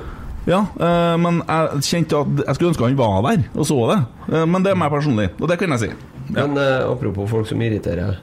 Eh, journalister. Øyvind Herrebrøden i Ja. VG har lurt på hva irriterer jeg mest med journalister. Ja, det er, er jo ikke eh, Kom igjen. Jeg kjenner det, Øyvind. Ja, han eh, Nei, altså det, er, det, det er faktisk ikke så voldsomt mye i det. Altså, det. Det som er, er at de Altså Petter, altså Petter Rasmus, eh, Sagbakken, Stenersen, Simen, Marius Dahl, Børstad. Det er jo dem som Altså Johannes Børstad i NRK. Det er jo dem som går igjen daglig til oss. Ja. Og dem du har mest med å gjøre, det er jo ofte det, Selvfølgelig har jeg jobba med dem i, i årevis, og det er jo klart at av og til så oppstår det noen gnisninger. Noen eh, Og vi har kjefta på hverandre, og de har kjefta på meg, og jeg har kjefta på dem, og vi, jeg har vært misfornøyd med det, og de har vært misfornøyd med meg, og sånne ting. Men det tenker jeg er helt naturlig. Når, når det blir så tett samarbeid hele tida. men stort sett så går det veldig fint. En kjempegod dialog eh, med dem. Men hvis jeg skal si en sånn generell ting som jeg kjenner mest på Altså jeg hiver jo litt i glasshuset her da, siden jeg jobba som journalist sjøl før jeg jobber i Rosenborg, men har jeg hoppa over til den andre sida eh, for mange mange år siden. Men eh, det er jo liksom sånn eh, Når man blir fornærma Mm. Det, det kjenner jeg at jeg blir litt sånn uh, Når du blir fornærma for å ikke få det som du vil. Når man snakker for sin syke mor. Ja, for eksempel. Det er jo det man gjør. Jeg tror vi skal gjøre noe annet nå. Jeg skal bare åpne vinduet mens vi holder på. Hvis ikke så tror jeg vi dauer her. Da blir det litt annen lyd, men det får dere tåle i to minutter. Ja. Nei, så det, det, må, det må være det. Men det er absolutt ikke et eh, problem. si. Beklager støyen, oss. Men eh, det, det er 26 grader her nå. Men eh, ta, ta, da må vi ta en Bentner når vinduet er lukka. Eller? Ja, det gjør vi. Vi kan snakke om grap og slarring nå. da. nå? Altså. Han spør når kommer innsiden, og så svarer Jørgen at du har det beste nikket på Twitter. Og så mener han at ingen skjønner hva det betyr. Er det noen som ikke skjønner hva grav på slarring betyr? Hæ? Jeg trodde de alle visste. Ja. Ja. Nei, den, eh, den, den sa jeg fin. Ja. Den sa jeg faktisk jævlig fin. Eh, hvor treffende var beskrivelsen av Selnes av en dag i medieavdelinga til RBK i 2019? Og på bakgrunn av den er det utelukka at han får jobb der. Nei, Ole kan komme hjem altså, Hvis du spør meg, så kan jo Ole begynne å jobbe snart igjen, da. Ja. For at Han har eh, ikke spilt kamp på snart et år, han. Nei, det, jo, nei, det syns det syns jeg faktisk er litt sånn uh, trist. Jeg. Ja, det er jo det. At det har blitt sånn, for at eh, Ole er jo i sin aller beste fotballalder. Det vet du ikke vi. Ja, i alder, ja, men du vet ikke hvordan form han er lenger. Nei, men kjenner jeg han godt, så, så gjør han jobben, han. Det, det tviler ikke jeg på. Men det er jo noe med det å ikke få spilt og ikke få trent med et lag og alle sånne ting. Det kan jo ikke være optimalt, og det, det er en sikkert helt enig i sjøl, men så havna i en situasjon der Sant? Covid har Jeg husker jo altså Jeg hadde jo, et, hadde jo en sånn podkast med en Ole eh, to-tre måneder ute i covid eh, i 2020. Der han kunne fortelle hvor rosenrødt alt var nede i Shenzhen der. Mm. Og nei, her er alt som normalt. Og, nei, sant, ja. Nå har det jo snudd, dessverre. Så nå har de jo fått det ned der. Og det har jo gått utover ligaen, og ting har stoppa opp, og de skal spille i boble. hele byen har jo stengt fortsatt. Ja, så, så, så, så, og nå får han spilt, og så sitter han i en kontrakt, og så heldigvis så sitter han i det siste året sitt nå, og så Så kommer han hjem over jul. Vet du, ja, Det har vært herlig? Det har vært utrolig herlig, men jeg, han, det, med han, du, han er jo en fining, da, vet du. Han er glad i penger, sjø. Ja, nei, det- ja, det er han sikkert òg, men det er nå greit. Men uh, han eh, Det er noe han er enda mer glad i, tror jeg. Og? Ja, det er fint vær. Og det er sånn, ja. Ja, for at eh, han eh, har jo på Snap, da, så han bruker jo sånn med jevne mellomrom, så sender han meg bare sånn video at han går ut i slippersen Jeg vet ikke hvor han er, enten han har vært i Kina eller Marbella, eller han var besøkte en Mix på Kypros nettopp. Sant, ja? Og bare sånn altså, så, så til slutt så liksom snur han kameraet mot seg sjøl og sier noe Åh. Sånn. så sånne ting Så nå, Jeg bruker alltid å svare altså, Nå må du kutte ut Nå må du få på deg fotballskoen. Nå må du komme hjem eh, Og sant, ja, Nå må du komme hjem og hjelpe Rosenborg Og sånne ting Mm. så, Men han, han er veldig opptatt av vær Ja, akkurat. Så det- Da har vi et problem her i Trøndelag. Vet du hva jeg husker best fra den der, For det var en videopod dere laga den Ja. Vet du hva jeg husker, husker Ja. best med det? Han hadde fått seg nye tenner, og det vistes. ja, Det Tennene har vi snakka mye om. Det er ja, artig. det men han, ja, han har fått, får en del tyn for det, tror jeg. Det, trøye nummer ni opptatt. Ja, ja, det var Den kvelden husker jeg faktisk godt. Ja. Den- Den husker jeg godt. Når fikk du vite at Bentner var klar for Rosenborg? Dagen før. Å, dæven. Oi, oi, oi. Så det gikk en hel dag og visste at han Ja. var Åh. Men det der er jo Det der tror jeg er helt unik historie. Jeg tror ikke det der kommer til å skje igjen. At, eh, at en så stor overgang ikke lekker ut noen plass før det skjer. Jeg tror jeg det det, det har, eh, hadde aldri skjedd før, det, og jeg tror ikke det kommer til å skje igjen. Og så tror jeg at de omstendighetene rundt øh, øh, Niklas, da, Bentner Jeg tror det var det som bidro til at det ikke kom ut, fordi at Uh, om Han har en uh, liten omgangskrets, han har en, uh, en agent som han stolte veldig på. Uh, og så videre og så videre. Så jeg, at, jeg tror at den, det er ofte sånn at i sånne saker så lekker jo Folk tror jo at alt lekker fra brakka, men man må jo huske på at det er mange parter når det gjelder overgangene. Altså når det gjelder det meste, så er det alltid flere parter.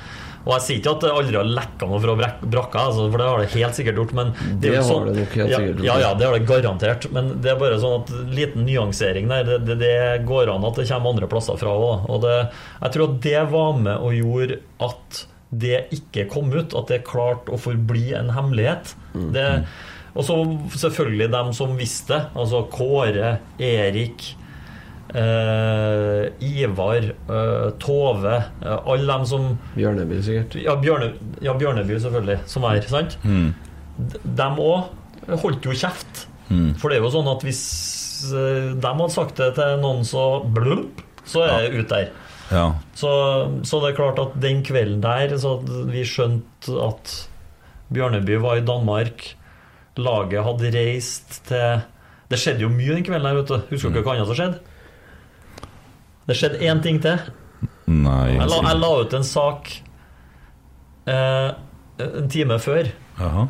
Ja, nei, Den er jo ingen som husker. jo da, husker jeg når jeg sier det. Ja. Det var jo at eh, det var en annen person som reiste til Spania den kvelden. Samme kveld som Rosenborg. Ja, ja, ja. Vegard Forhen, for faen. Helt Ja, riktig. ja, ja, ja. Og han var jo ikke på hotellet når, da dere kom over. Nei, for at han hadde jo reist nedover. Ja. Eh, Og og det, skulle møte dere nedi der. ja, og det som var, vet du, at han Håkon Svabe, han som var fys, eh, fysio- eller medisinsk eh, ansvarlig den gangen, han hadde jo reist i forveien til hotellet for å Man bruker av og til å gjøre det, sjekke at ting er på stell, rom, mat, kjøkken, bla, bla, bla. Mm. Så han hadde jo reist en dag i forveien, og han var jo der når Så kom han foran, da, ned dit. Og de hadde jo ordna sånn at han skulle vært prøvespill. Eh, og så, kom så skjedde jo det samme dag at eh, de kom dit, og så Nei, han har reist. Han Ja, har, eh, han, han og Krimjim de for jo til England, de. Til Brighton. Ja, de hadde reist Eh, sen Ja, Han heter Krimjim. Ferdig med det. Når det er i Rosenborg, så heter han Krimjim. Ja. Uh, ja. Du, du, du Ja. får kalle den det, du. Ja, ja. Ja. Eh, så, så hadde Forhen reist for å signere med Brighton før de landa, og da kom jo de ned, så fikk hun, fikk hun telefon Nei, han har dratt. It's the off, liksom. Det, og da skjønte vi at vi måtte legge ut en liten sak om at det hadde skjedd. da Dæven, da var han Kåre sur.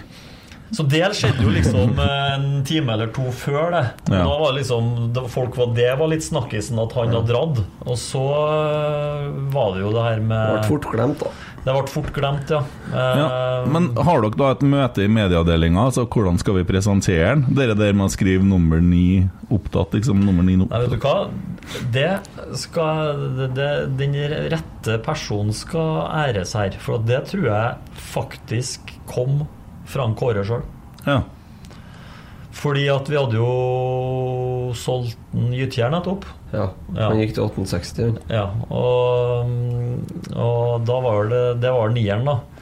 Eh, og så er det jo sånn at jeg bare tenker tilbake hvor sånne små ting gjør at andre ting skjer. Sånn som alt i livet, selvfølgelig. Men vi, rett før uka eller to uker før, så var det jo en annen spiss som var i byen her og holdt på å signe for Rosenborg.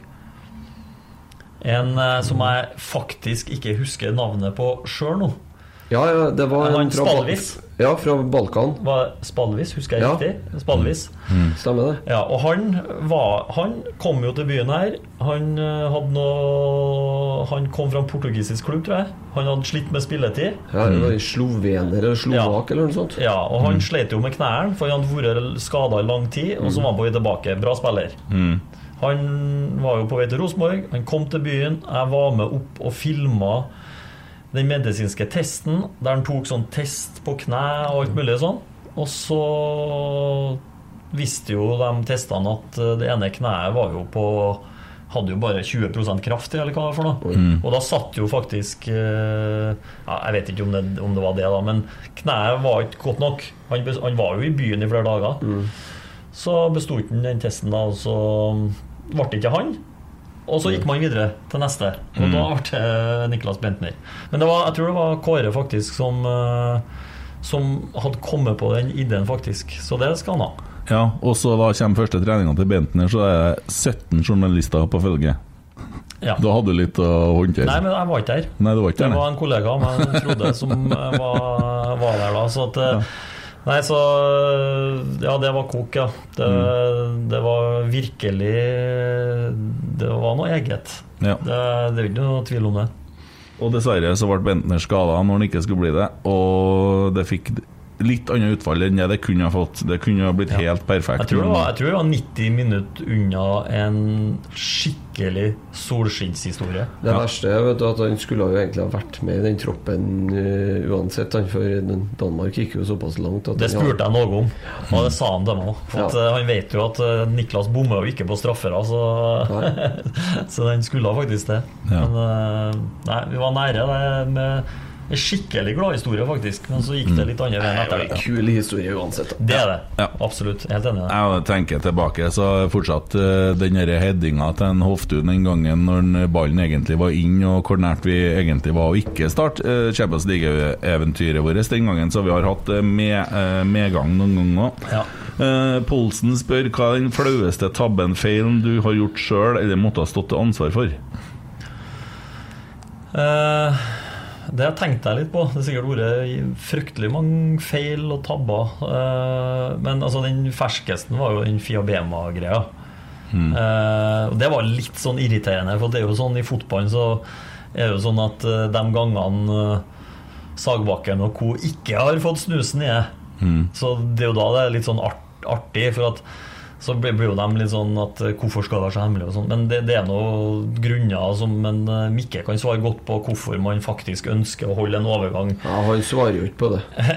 Svarer, Han svarer jo på ingenting. Han, Nei, han, ja, det være det kjedeligste intervjuobjektet i verden. han har gjort sitt for å slippe å være på podkast, det- synes jeg sånn. for Han, han er tørr, ja.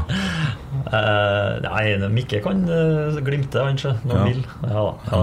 Hvordan skal vi få han til å ville, da? Ja, må spørre han først, da. Ja, skal det. Ja, det. Gøran spurte meg om dagen Vet du hvor mange som jobber på brakka. Vet du hvor mange som jobber på brakka? Jeg har ikke eh, akkurat antallet, hvis du spør meg sånn her. Nei, Svaret er ca. halvparten. Det er bra. Det er fin. Ja.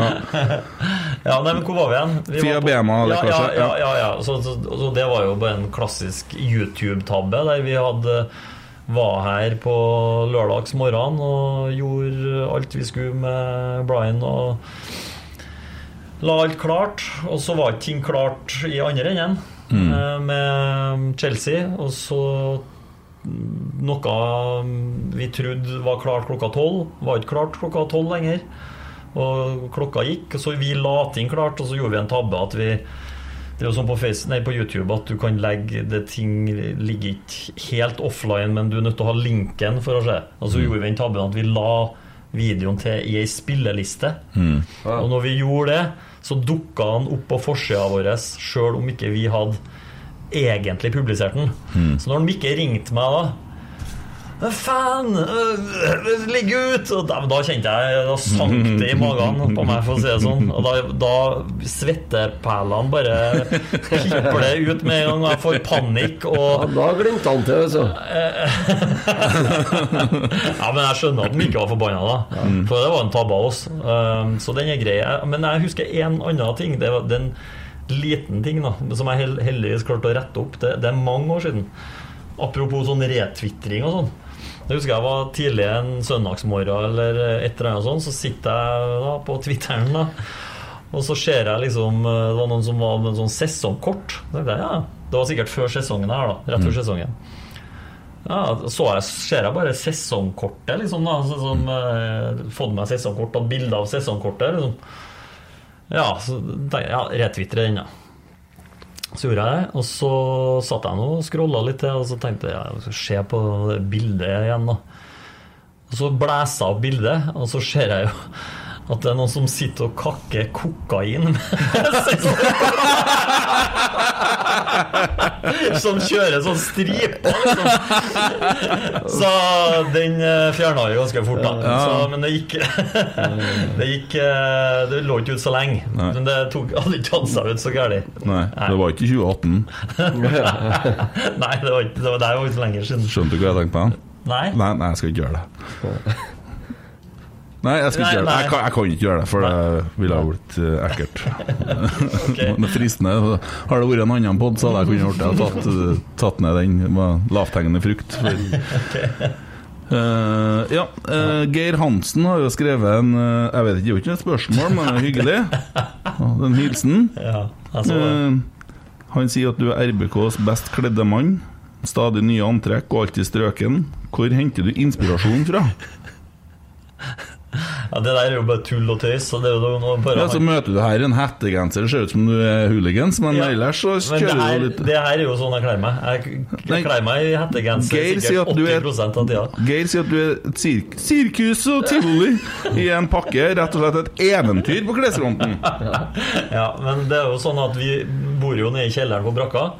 Og der er jo en, Geir Hansen er jo på rommet på andre sida. Ja. Der sitter de jo på analyserommet der, og så går jeg forbi den døra der titt og ofte. Og da har han det veldig artig med å slenge meldinger på meg. Mm. eh, Og så har han det der har blitt en sånn artig greie for han.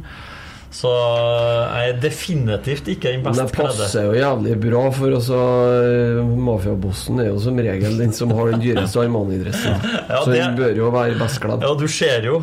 Det her er sånn som jeg Det er ikke veldig Der, Mikke Dorsin, best kledd på brakka. Geir Hansen sier det du, og Geir Hansen han har jo vært eh, Han er jo kanskje den favoritten å parodiere her i Rotsekk. Vi har jo hatt en del artige greier med han. Eh, Så Og ja, vi har hatt sånne bølger. Veldig, ja. Sådd og Og så har vi Geir Hansen-perioden. ja, men det er, Geir, Geir er fin, men uh, jeg må si jeg flira godt når han presterte. Jeg trodde faktisk ikke han skulle skrive det der på Twitter, da, men eh, det der var det artig. Ja. Ja. Det er fint. Fint med litt skryt. Og så er vi inne på denne fantasy-manageren igjen. og Orker ikke å snakke så mye om engelsk, men du er altså nummer ni i verden. Uh, ja, jeg så at det var det på ei sånn liste der, ja. Ja. ja. Hva tjener du på det? Ja, altså det er jo sånn, Du er jo med i så masse forskjellige ligaer. Sånn, og Før sesongen så dytter du inn 250 kroner der, så 500 for å være med der, og så ditt og datt. Ja. Så, og så er det jo ut ifra plasseringene du kommer i de interne ligaene, så kan du jo tjene noen kroner. Ja. Det har jeg jo gjort noen år. Mm. Tjener du penger på det? Jævlig bra Ferie, så Det blir jo ferie, da, for det slutter jo på våren. Dere. Ja, det Ja. Ja, for Premier Det, League det er liksom- ferdig. Ja, men det det er det jeg sier til fruen nå. At at jeg bruker når jeg liksom jeg sier at jeg, nå trenger jeg litt tid til denne fantasyen. Sier du nå- det? ja, ja, Ja. nå- jeg må se litt eh, Jeg trenger å se i fotball. Jeg Ja, trenger å se i kampen her. vant du i Norge i år nå? Nei, nei. Men- nei, nei det, altså, nivået i Norge på dere um, FBL, da, som det heter, det er jo skyhøyt. Ja. Av en eller annen grunn så er jo nordmenn eh, helt i verdenstoppen der. Magnus Carlsen er jo kjent for å Jon Tore, ikke gå. Vi skal ikke snakke om Vi skal ikke på Tottenham i Nei, hele tatt. jeg, jeg har ikke nevnt Nei, nei, jeg bare, bare ser. Ja. Men det er nå en gang det det er. Det er jo engelsk fotball det går i der, da. Så at, ja. Men eh, det der, eh, kort fortalt, for en del år tilbake så hadde jeg en kollega som het Emil Hauge, som uh, var veldig opptatt av det der. Og jeg brydde ikke meg om det.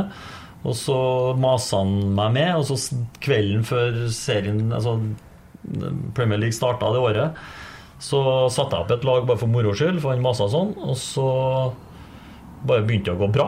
Og så mm, gikk det bare enda bedre, og da spilte jeg sikkert ikke sånn som, dem som, eller sånn som jeg gjør nå. Og så endte jeg nummer 182 i verden av eh, 6 millioner. Eh, og det var ingen som skjønte hvordan jeg hadde fått til det. Og tenkte at det var et lykketreff.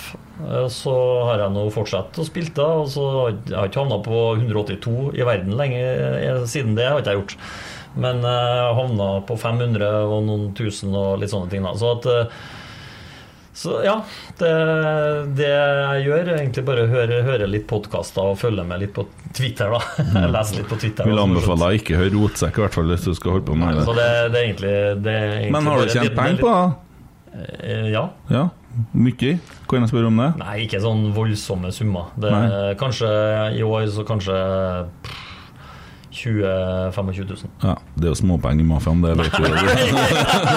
Det er jo Jo, sånn men du, jeg, jeg, jeg ser folk Altså folk som, som er øh, skikkelig gode i det spillet her, som, invest, som går inn i ligaen med liksom 1000 i den ligaen, 5000 i den ligaen, og casher ut sånn førstepremier på 40 000 i den, 30 der. Altså, da, bli- da snakker vi penger. Kan bli tøft å skal gjøre opp den dagen du ikke vinner. da. Ja. Altså Når eh, siste serierunde er gått og kreditorene eh, står og banker Ja, på døra. Det har sikkert vært noen tilfeller. Jo, jo, men du skjønner jo eh, nivået til han Don Corleone på sida her, så er det jo han som regel som låner bort pengene til spillet, tenker jeg, så det er vel det. Det er sånn det foregår, vet du. Sebastian Moljord han Ja. lurer på om du har lest noen gode selvhjelpbøker i det siste? Altså, ja, Sebastian er jo fra RBK-podkasten. Og ja, for det var forgjengeren til det som ble Godfotpodden, som dessverre ikke er her, eh, Nei, men dem savner vi. Absolutt. Eh, og dem, han var jo med Han, han tror jeg var primus motor der. Og fikk med seg en Klas klass etter hvert. I RBK, ja. RBK, ja. Så var det jo sånn at han Sebastian, han eh, Han har jobba litt i Rosenborg òg. Ja, for at han tok kontakt med meg, og så sier han du, jeg har lyst til å snakke med deg om uh, noe. Uh, jeg kjente jo litt skjedd fra Twitter og sånn, da, og fra den podkasten. Kan ikke vi ta og møtes? Jeg har noen ideer. Møtte jeg han, så tenkte jeg Jeg har vært på mange sånne møter da, med folk, og det er jo, jeg tenker ja, ja, vi får se hva det er for noe. Og så begynner han å snakke om YouTube, om mulighetene på YouTube. Og så kikka jeg litt på det. Og så Da var det jo bare en Erik som var øh, jobba til oss, da. Så vi snakka med han, og så begynte vi å snakke mer om det. Og så klarte jeg å finne Jeg, jeg kutta ut å bruke penger på en sånn overvåking i mediegreier. Det var sånn verktøy vi hadde. Så brukte jeg 20 000 på på en Sebastian isteden, så han kunne hjelpe oss i et sånt prosjekt med YouTube. Da Da starta vi liksom satsinga på YouTube. Og så var det sånn at Erik skulle i permisjon fra jul. Og så fikk jeg en Sebastian som eh, som vikar. Og uh, jobba med han i tre måneder i Ja. eh, Det, ja, et år eller to år siden, og da går det sur for meg. Men Ja, for- han, han greia Spørsmålet er Det var liksom bakgrunnen, men spørsmålet er for at han leser Han satte seg Han leser sånne bøker. Han er veldig opptatt av sånne bøker. Så han hadde satt seg ned på bakgrunn av en sånn bok, og så hadde han satt seg sånne mål. Og det var sånn Det målet, det målet, det målet, det målet. Og Et av målene på lista her var skal jobbe i Rosenborg innen ett år. Så klarte han jo Han klarte jo jaggu med det. Eh, og så har han sikkert mange andre mål. Han har sånn sykt mål han skulle trene seg ned til i gående. Altså, han, han er utrolig sånn eh, hard i skallen på sånne ting. da Målbevisst. Må, veldig målbevisst type. Så han jobba tre måneder der, og så krangla vi en del om selvhjelpsbøkene. da, For at, eh, sånn ut, fra et utgangspunkt at han mener at alle har alle, uansett hvor du kommer fra, like muligheter. Ja. Ja, og så Det var jeg uenig i, og så krangla vi krangla mye i sånne gode krangler. Sånne, så, ja, sånne ikke krangler, diskusjoner, da. Ikke det kranglinga. Men han jeg bare sier det, han fikk jo en litt sånn røff start i Rosenborg, han. For han kom jo inn med pågangsmot i januar. der, og Nei, nå skal vi lage mye artig. Og Hvis dere går inn på Instagrammen vår, så ligger det sånne favorittbobler under på toppen her. Og Der er en som heter Fredagsmoro. Og Der tenkte han at hver fredag så skulle han legge ut noen sånn artige sånn, eh, ja, Litt sånn lett og ledig underholdning. underholdning. Så første han laga, var sånn um, ordleik. Der han laga en firkant med masse bokstaver i. Ja. Og så skulle, skulle du finne Rosenborg-relaterte ord. Og så skulle du skrive de ordene du fant. Så det gjorde han, da. La han ut, da. Og så begynte jeg, så, så jeg var i et annet møte, og så begynte jeg å tikke inn noen meldinger til meg. Så begynte jeg å følge med på Faen, skal jeg Og ser jeg liksom eh, Så var det selvfølgelig det, Han hadde jo ikke sjekka alle mulighetene i den her eh, Nei, selvfølgelig. Nei. Så der var det en som hadde funnet Molde, rape eh, alle andre eh, ting og tang da som ikke tok seg ut. Nei, nei. Da sendte jeg melding til du må fjerne. Du må liksom ta Det er rart at sånne ting skjer hver gang sånt er mulig. Liksom. Altså, det, Ja, det var så mye rart som folk klarte å finne da, på den greia der. ja, det er mye spesielle ja, og da Ja, men jeg skjønner jo det, men da fikk jeg en litt sånn eh, tøff læring i at eh, hvis du legger ut noe i Rosenborg sine kanaler, så får det veldig oppmerksomhet. Og sånn er det. Og det, det smalt, eh, så det Da svetta han litt i noen sekunder, men Sebastian han skal ha mye av æren for at vi begynte å satse på YouTube. Og jeg snakker, Nå jobber han til Koteng.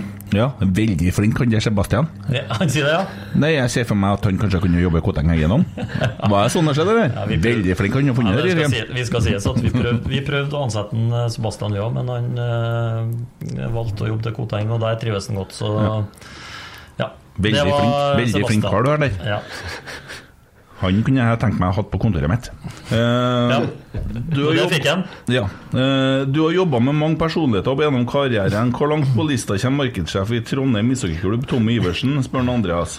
Jeg, ja, jeg var veldig sånn glad i ishockey før. Jeg mista litt den interessen etter hvert. Men jeg var veldig glad i tikk og var på fryktelig mye hockeykamper. Så jobba jeg en del for eh, Tommy Iversen. da Figur, må jeg si. Veldig sånn eh, Han er en definisjon på en sirkusdirektør. Og i hockeyen så må du være det. Jeg tror at uh, uh, det gikk rundt så lenge som det gjorde, mye pga. han. da Og så krasja det til slutt, men sånn er det. Så, Sirkusdirektør, sier du. Ja. Skal vi ansette sirkusdirektør i Rosenborg snart? Eller hvordan blir det? Hvem eh, tenker du på? Nei, Vi skal jo ha en ny daglig leder, sannsynligvis, etter hvert. Ja. Det vil jo være veldig veldig rart hvis ikke det blir noen annen nå. Har du, Ja, det blir du skal ikke ha noe opprykk, du, nei? Nei, det tror jeg ikke. Nei, han trives best med å sitte bak og styre alle. Nei, men Vi må jo ta høyde for at eh, Tove blir valgt rett inn den 12. juni, og det, sånn er det. Så- Selvfølgelig blir det det. Ja, ja. har du da noen tips om hvem som blir daglig leder i Rosenborg? Du kan kanskje ikke komme med noen tips, du? Eh, nei, altså, er, det, det er, helt ærlig, jeg vet ingenting om det. Det her er jo styret som eh, bestemmer og jobber med, så aner ingenting. Jeg gjør som dere, jeg leser listene i adressa. De traff veldig bra på den Horneland-lista en gang, husker jeg. Den, eh, han var jo ikke på lista engang. Den, eh, Nei, men De har jo laga ei sånn liste nå med hver 25 navn. Der var det mye rart. Ja, det skulle ha kanskje vært holdt seg til ti, kanskje. Jeg vet ikke. Men uh, det, det var noe Det er noe sånt. Nei, jeg vet, vet ingenting om det, men uh, antar at jeg har en ny sjef i løpet av året. Andreas uh, Gunnes med beste hårfrisyre i RBK ever. Hvem er det? det, den der så jeg, så tenkte jeg veldig hardt tilbake. Men jeg, får, jeg har ikke noe annet valg enn å Jeg syns Eddie nå er helt magisk. Ja. Eddie har den beste manken i Rosenborg. Men- eh, Men det er på et punkt nå hvor det er sånn balansegangen det, så For det er litt kult, og så kommer du til det nivået der det er litt sånn Du ser litt idiot ut, og så blir det jævlig bra. Er vi kommet litt på det høkert-nivået nå, kanskje? Jeg vet ikke. Altså, det går jo an. Han kan jo stusse krøllene litt, da. Ja, han har tenkt å bare la det stå til han bare har sluppet det løs. Han sier at han ikke skal klippe det, men det går an å stusse krøllene litt, tenker Det er jeg. fullt mulig, det, ja. Ja, men jeg, jeg liker Jeg digger Rosenborgs Valderama. Ja, ja, jeg Hvor god er du i fotball? ganske dårlig, ja. Ja, det har jeg hørt snakk om. Ja. En grønn vest i kork. Eh, fotovest. ja. Grønn vest i kork? Nei, fotovest i kork. Jeg syns de sa grønn, men uh, du fikk tredd på en vest en gang, en pressevest i kork. I Ja, ja, ja, ja, ja, ja, ja. Ja, ja, ja jeg, jeg er jo trønder! Ja, herregud! Begynner å henvende seg til han hører på er. Ja. Ja, ja, ja, ja. ja, den var ikke helt bra. Det husker jeg så, så ikke da, det så ikke helt bra ut. Men det, det var for at da, den gangen så gikk, brukte vi jo liksom å For det var jo kvalikkamp til eh, Europa av noe slag. Og så var vi mm, Brukte vi og så Rett etter kampslutt så gikk vi live på Facebook. Gikk, bare Hoppa ut på banen, gikk live. Og der tvingte de oss. Det var ikke noe sånn godt vær, så det var ganske kaldt der. Så jeg hadde noen tjukk jakke på meg og trekt Det, var, det, det er litt vet, sånn vet, ja, for der har vi en case. jeg. Han ser ut som Donald Duck i iskrigen. Den Ja. der, når de har den snøballkrigen. Når han drar og går med den jakken og vesten her. Vi må gjøre noe med vestsituasjonen til Kjetil Rekdal. Ja, men det- ser jo ikke ut som han bryr seg. Nei, han bryr seg ikke. Men eh, noen må beskytte mot seg sjøl der. Og det er jo din jobb. Ja, nei, han, han er litt sånn snedig, for han er, han er, ikke, så, han er ikke så veldig sjølopptatt og sånn forfengelig Nei. på ting, ting. Men han er det på noen ting, men ikke på andre ting. Nei, ja, altså, det- så det er litt sånn snedig, men akkurat det bryr han seg om. Nei. Eh, hvor mange møter kommer du tidsnok til? Eh, noen? Noen, ja. eller, ja, Sebastian Moldud Sverre, har du stilt klokka di? Regner med det går på det samme? Det. Ja, ja, det er det faktisk, ja. Det, er for du er litt sånn Oi, jeg skal på et møte! Ja. Som begynte for ti minutter siden. Ja, jeg prøver å være flink, da, men eh, ja, det har sikkert skjedd. Det var sikkert en Sebastian mener. Det er det sikkert. Ja, Prøver ikke å ha så mange møter, men det har blitt noen flere møter etter hvert. Har du noe, har du noe sånne Har du en ukjent, en helt ukjent historie som ikke har vært fortalt, egentlig? Har du det? En god en på lager? Um, da, vanskelig Du har jo det, vet du. Og, som jeg sa, Sånn er Rosenborg-relatert? Ja, det må være Rosenborg-relatert. Eh, jeg satt faktisk og tenkte litt på det, men jeg kommer ikke på noe sånn eh, Egentlig. Det er jo litt sånn at alle historiene kan jo ikke fortelles. Sånn er det bare. For at det handler om folk som folk. Så det er jo litt sånn. Så at eh, ja, men du får lov å anonymisere litt, da. Ja, jeg skulle gjerne gjort det, altså. Buda på det, men eh, Den sofaen inne på rommet til guttene her, den ser sliten ut. Ja, men den er bytta nå. Den er bytta nå, ja. Ja, den er Den- bytta. Der er det mye Jeg Jeg så en jeg. bra melding på Det har ikke, det har ikke vært noe nachspiel i her, sånn som på Brann stadion, vel? Nei, Nei. det tror ikke jeg at det har vært. Det tror jeg. Tore Dahl mener at du blir daglig leder neste, eh, sånn at det blir formelt. Ja, ja, det jeg ser han tuller litt med det. Men, Ja. Slutt opp, sier du til meg! Slutt opp med det der! Sier du. eh, ja, slutt opp med det der. Ja. Ja.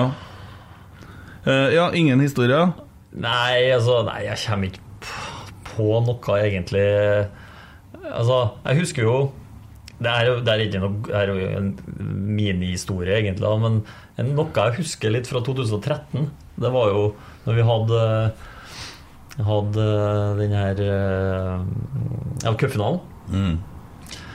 Uh, Nikki var i støtet, og vi spilte inn musikkvideo. Den Og, cupfinalen der. ja, Stemmer det. Eh, og så var det vel en annen cupfinalelåt òg som kom ut.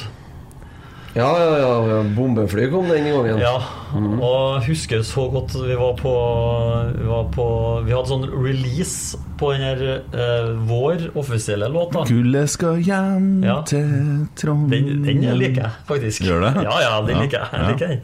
Ja. Men eh, eh, så hadde vi sånn release på RPK-shoppen. Mm. Og mens den releasen står på, så ringer han eh, Torgeir Dahl da, Tove. Og Torgeir Dahl ble jo nevnt i denne sangen her. Torgeir Dale Øygard. Var det han ble kalt i den sangen? Det var, vel det, da. Bare for å referere hvorfor han ble Og han er jo ordføreren. Og han var jo lynings. Lynings mot Tove.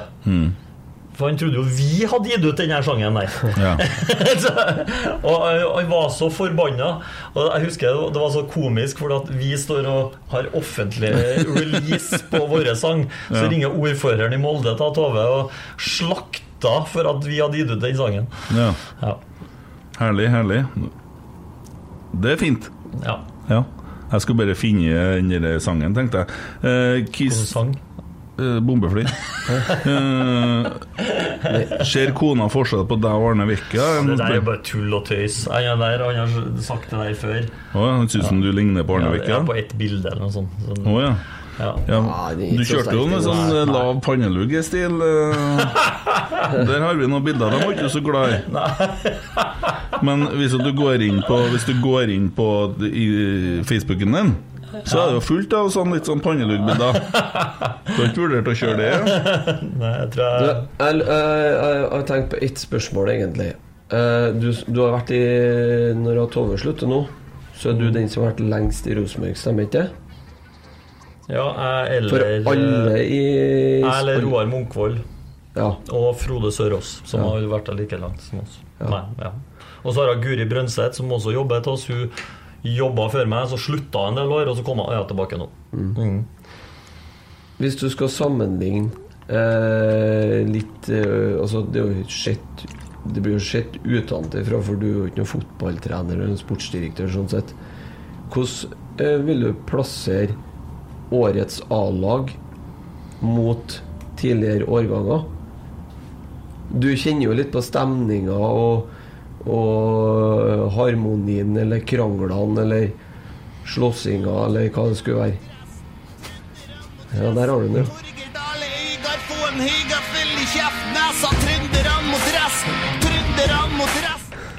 Ja, da har vi tatt det eksempelet. Fin sang. Fin sang. Eh, ja, det var jo et godt spørsmål. Nei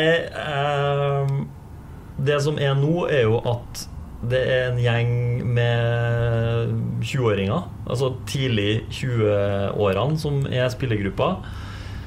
Det er en, annen, det er en helt tydelig annen generasjon som er, er her nå, enn hva det bare var for under eh, siste gullperioden. Da Når vi vant all, Da var det jo rutinerte Altså, det var en miks da òg, men da hadde du Mike og, og Tore og Konradsen og gjengen der.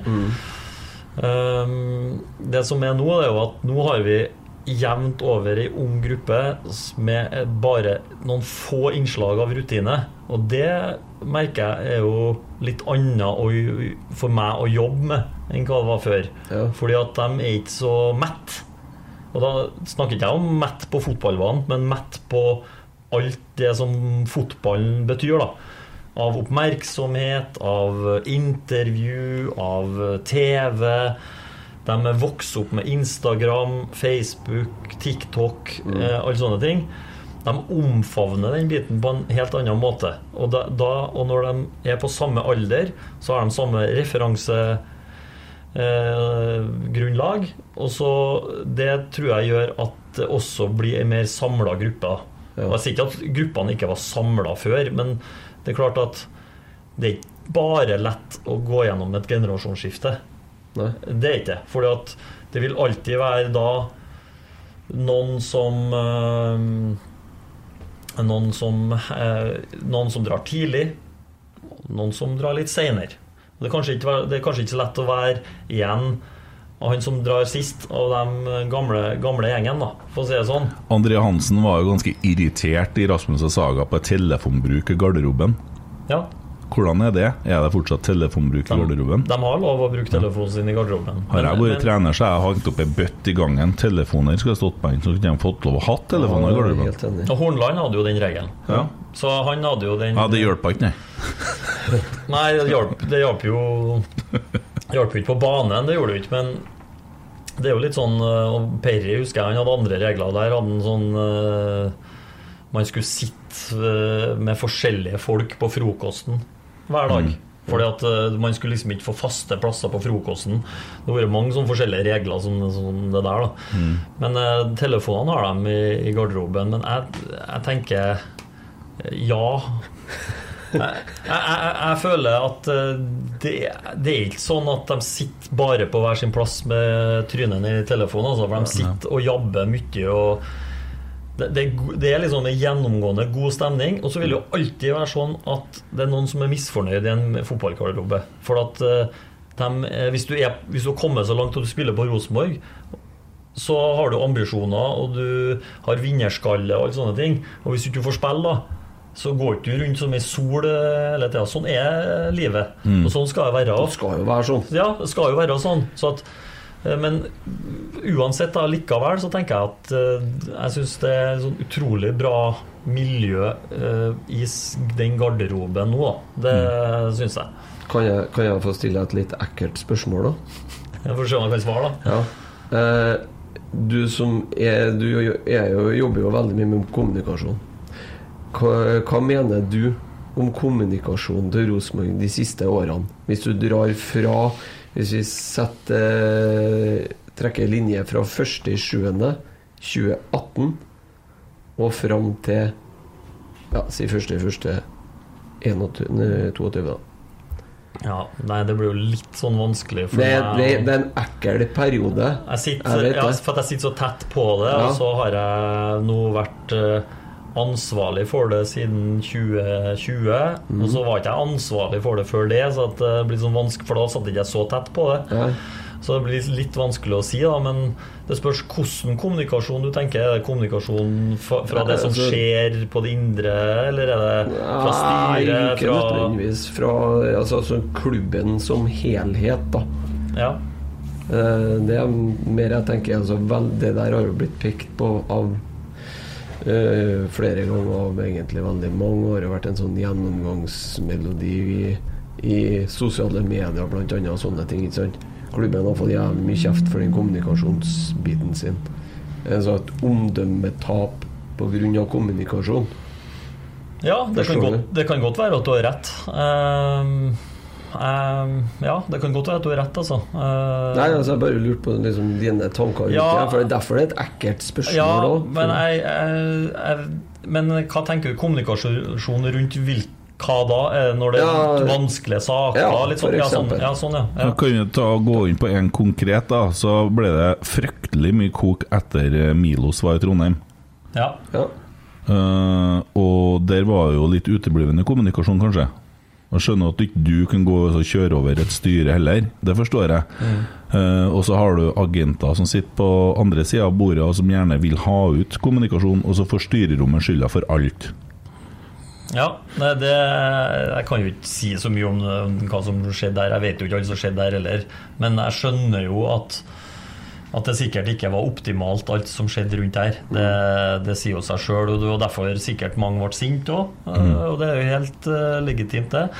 Og medlemmene sa jo fra, og de meldte seg inn. og det tenker jeg at det er jo et genialt i en sånn klubb som vi er. At uh, man kan melde seg inn og si fra om hva man syns er galt, og påvirke. Ja, og, og da vil jeg skyte inn, for det ble veldig mange hundre flere medlemmer. Jeg husker ikke tallet eksakt, jeg vet jo det? Ja, det var flere hundre, det. Og nærmere 500, tror jeg. Ja, det tror jeg. Og så fikk vi et årsmøte der det var nesten 1000 stykker, og del to med litt færre. eh, Og masse gode saker. Og utrolig mye bedre kommunikasjon. Det var jo det. Ja, det ble jo når, når han er krevende og maser, så får han informasjon, vet du. Ja. Til slutt. Men uh, vi bare tar, han Robin uh, Vullum spør hvordan var trøkket etter sparkinga av Kåre Ingebrigtsen, og deretter når det ble klart at Koteng Bratseth ikke hadde en plan B og gikk i rettssak som dro klubbryktet ned i søla? Nei, og det tror jeg alle i Rosenborg eh, Ivar har sagt det, Tove har sagt det, altså alle har sagt det at det skulle man selvfølgelig vært foruten. Den, eh, spesielt den rett, rettssaken. Og så er det sikkert 1000 meninger rundt eh, den avgjørelsen. Og rundt den Kåre og alt det her. Mm. så har jeg mine personlige meninger om det, men det, det skal ikke jeg sitte og jabbe om. Eh, det, det er nå bare sånn det er. Men eh, jeg tror alle sammen ser tilbake på det der som bare trist og dumt at eh, det var sånn, eh, sånn det ble. Mer, eh, merker du at det er en litt ny æra på gang nå? Ja, for vi satt faktisk og snakka om det allerede i dag. Altså, jeg kjenner at det som skjer i Rosenborg nå, er en, den største skilleveien, eller i Rosenborg så lenge jeg har vært der. Fordi at når eh, året starter med at Nils Arne går bort, eh, selve ja, klubben i seg sjøl, altså gudfaren i klubben, går bort. Det starter året med. Så vet vi nå at Tove mest sannsynlig slutter. Eh, vi har et nytt styre. Eh, Ivar har vært der i ti år, slutter. Eh, som sagt, vi har et nytt styre. Vi har fusjon. Vi, har, eh, vi skal ansette en ny markedssjef. Eh, Lundemo slutta i fjor. Han har vært der i ti år. Mm. vi har fått en ny publikumsansvarlig. Vi har fått en ny forretningsutvikler. Vi har fått en ny hovedtrener. vi har fått, ny, vi har fått nye trenere. Vi har fått Altså eh, Ja, fusjon, sa jeg. Ja. Det er så mye nytt som skjer nå, at uh, Det blir veldig spennende, for å si det sånn. Det blir det, det, jeg tenker sånn så at når Tove fortalte meg liksom, når Jeg bestemte meg liksom, Jeg må er, det, Jeg stiller til valg, liksom. Jeg skjønte jeg jo, hadde jo skjønt det litt, da. Men uh, da var jeg liksom Jeg ble jo lei meg. Skikkelig lei meg. For at, og Rosenborg får ikke noen ny Tove. Det er bare å glemme. Du kan ikke, sånn blir ikke det. sant? Nei, det blir jo noe annet. Og det er fint, det. Eh, og det er greit. Og så kan det jo Jeg er kjempelei meg for at Tove slutter. Det, hun er Men hun har jobba døgnet rundt for denne klubben her i 18 år. Så jeg, det er ja, full forståelse for det hun gjør. og Lykke til videre med det hun skal og alt sånne ting. Og så forsvinner ikke hun på dagen. Hun skal jo være her en stund til. Men eh, kanskje, kanskje det kommer inn noen som eh, gjør det bedre. Kanskje, altså, altså, man vet jo ikke det. Eller ikke bedre, men sånn Det, det går sikkert fint. Men men vi snakka litt om det her etter kampen på søndagen. Eh, og det jeg mente egentlig med nye eiere altså, Føler du, og som har vært så tett på det i så mange år, da, og vært med og sett ting eh, altså, Og det har vært spesielt da, de siste tre-fire årene veldig, veldig mye bråk, ikke sant? veldig mye mas, styr. Og, og mye av det sånn utenomsportslig, og så har det samtidig begynt å tippe sportslig. Men merker du at den, med den nye æra så mener jeg at det er en positiv eh, vind som blåser eh, At det blåser liksom litt rett vei nå. Jeg syns jo det. Ja. Jeg synes jo det, altså Og så har jeg jo sagt det mange ganger, altså ikke her da, men folk jeg snakka med, at jeg, jeg kjenner jo på det. For at eh, som sagt, jeg følger jo med hva folk snakker om, og hva som sies og sånn. Jeg kjenner jo på at det er en større eh, Litt større tålmodighet Ja. blant fansen. Ja, Det må det jo være, for det ser vi jo på tallene på bortekamper og alt som Ja, er. og så bare det kjernen sant, ja, Ja. og det, det som skjer oppe i Øvre Øst, og sånn, det, det er jo så sinnssykt kult. Mm. Altså, når jeg går der på Jeg har vært på to bortekamper i Eliteserien i år, og det var i Drammen, og det var på Intility. Og bare ser det trøkket som er der, og det engasjementet. Folk reiser, bruker dag og natt for å følge det laget her. Mm. Det, er, det er så imponerende, og det er så kult. Og det er, nei, jeg kan ikke få rosa det nok, egentlig, etter covid. Der vi ble nesten vant til døde tribuner og sånn. Det er så deilig. Ja, bare for å avslutte den der. Jeg føler det samme egentlig som du gjør. Eh, Jeg ser Det er jo eh, Når det går dårlig sportslig, så får du den smekken i sosiale medier. Den derre som kommer med, med én gang. Som alltid kommer. Sant? De nye kommentarene Men tvert altså, Før Vålerenga-kampen nå ser med én gang at det løsner litt, så er det akkurat som det bare da eh, ser man potensialet, man ser at sånn i bunn og grunn så er det noe nytt, virker det som, på gang. da Ja, helt, Folk er mye mer positiv innstilling nå enn eh, enn for en stund siden. ja, jeg er helt, eh, helt enig i det. Og, og så er det jo sånn at uh, eh, Altså, man, som du sier, når du lever Rosenborg, liksom, eh, som man gjør da når man jobber i Rosenborg fort, så blir det jo sånn at man lever med resultatene hele tida. Sånn som support, alle supportere gjør. da Og, og det Jeg merker at det blir jo nesten Det blir jo ikke noe lettere morgen, merker jeg, å ha kamp. Altså, jeg tok meg sjøl på Intility på 2-0. Så, så, så skulle jeg sette ned kaffekoppen min, så, så, så, skalv jeg. Altså, Hånda mi gikk sånn som det her. Fordi at jeg tenker å herregud, å, la det holde, la det holde. og- Jeg, jeg skalv på hånda. For at jeg, har så lyst til at det skal lykkes. Og da, altså, etter et tap så er jeg jo altså, jeg er sikkert sikker på at jeg er helt like skuffa som gjengen som sto på tribunen. Og, så det er tung Og så vet man at man kommer opp igjen, og så som du sier at det kommer mye kjeft i sosiale medier og sånne ting. Ja, det gjør det. Og, men vi er jo så privilegert, og jeg som får lov til å jobbe i den klubben, er så privilegert at få lov til å jobbe i en så kul klubb der folk bryr seg så mye om det som foregår. Det som en han, Jokke Jønsson fikk jo litt kjeft når han fikk et spørsmål her for en uke siden om eh, at det gikk så dårlig i Vålerenga. Så sa han at eh, ja, men eh, se på Kristiansund. Det, det går så dårlig der, og det er ingen som bryr seg. Sant? Og det er jo litt sånn Nå skal ikke jeg nevne noen navn på klubber, men Jo da, Molde ja, men, men det er litt sånn tenk, tenk hvis ingen hadde brydd seg. Hvor artig hadde det vært å holde på med. Det, er jo- det er jo det som gjør det så artig. Det smeller når vi taper, og vi tabber oss ut eller gjør noe galt eller sier noe galt. Og folk blir forbanna, og de blir lei seg og alt sånne ting. Og så blir de tilsvarende glad, sånn som på Sånn som på Intility. Sånn, spillerne satt jo litt etterpå, sant, og så i bussen så var det sånn eh, så, Faen, jeg tok jo litt av den feiringa. Liksom, faen meg, ble det litt i overkant, eller? Men de var så glad, og de på tribunen fikk jo det de ville ha. At Nole Sæter tar mikrofonen sant, og synger opp en sjalala. Ja, men sånn. hva har det å si, da? Det er, jo, det er jo helt ufarlig. Ja, jo, det, det, helt enig. Og det, det var jo det de ble enige om. Ja. Vi må jo bare feire.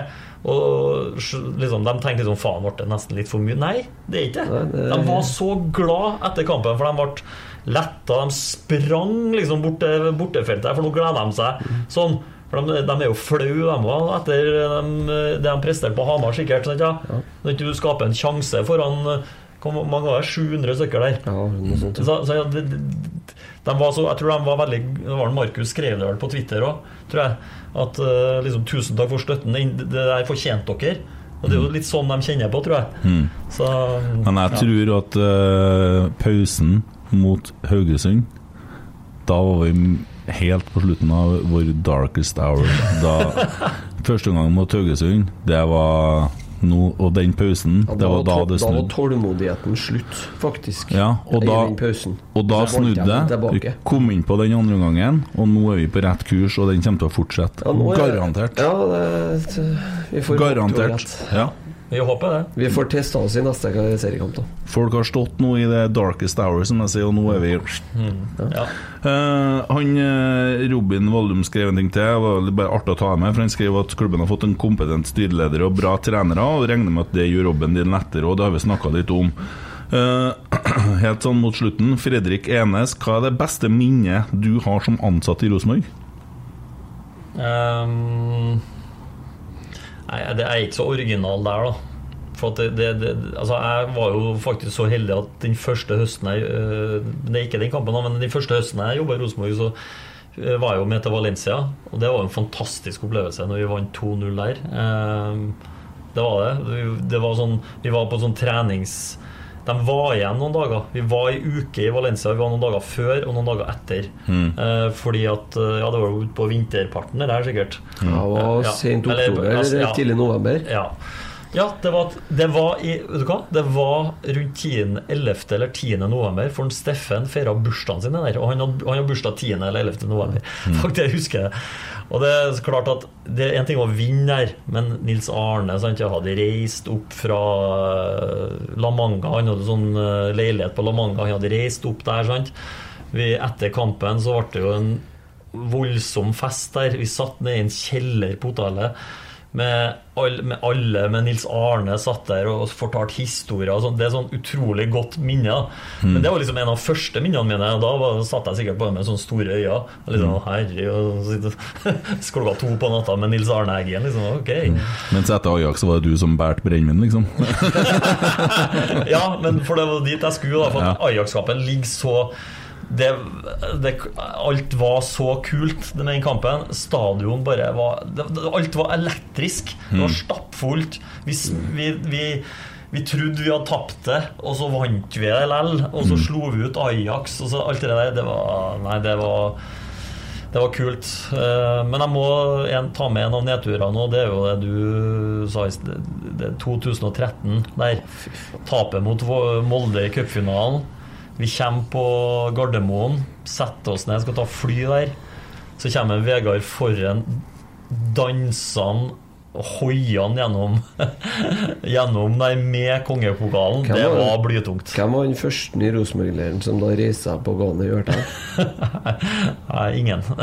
så, men eh, selvfølgelig, de skal få feire. Men det var jo blytungt selvfølgelig at foran Forhen kunne danse nedover midtgangen der og med kongepokalen der. Og, nei, Det var- den, var, den var tung, altså. Det var nesten året, det.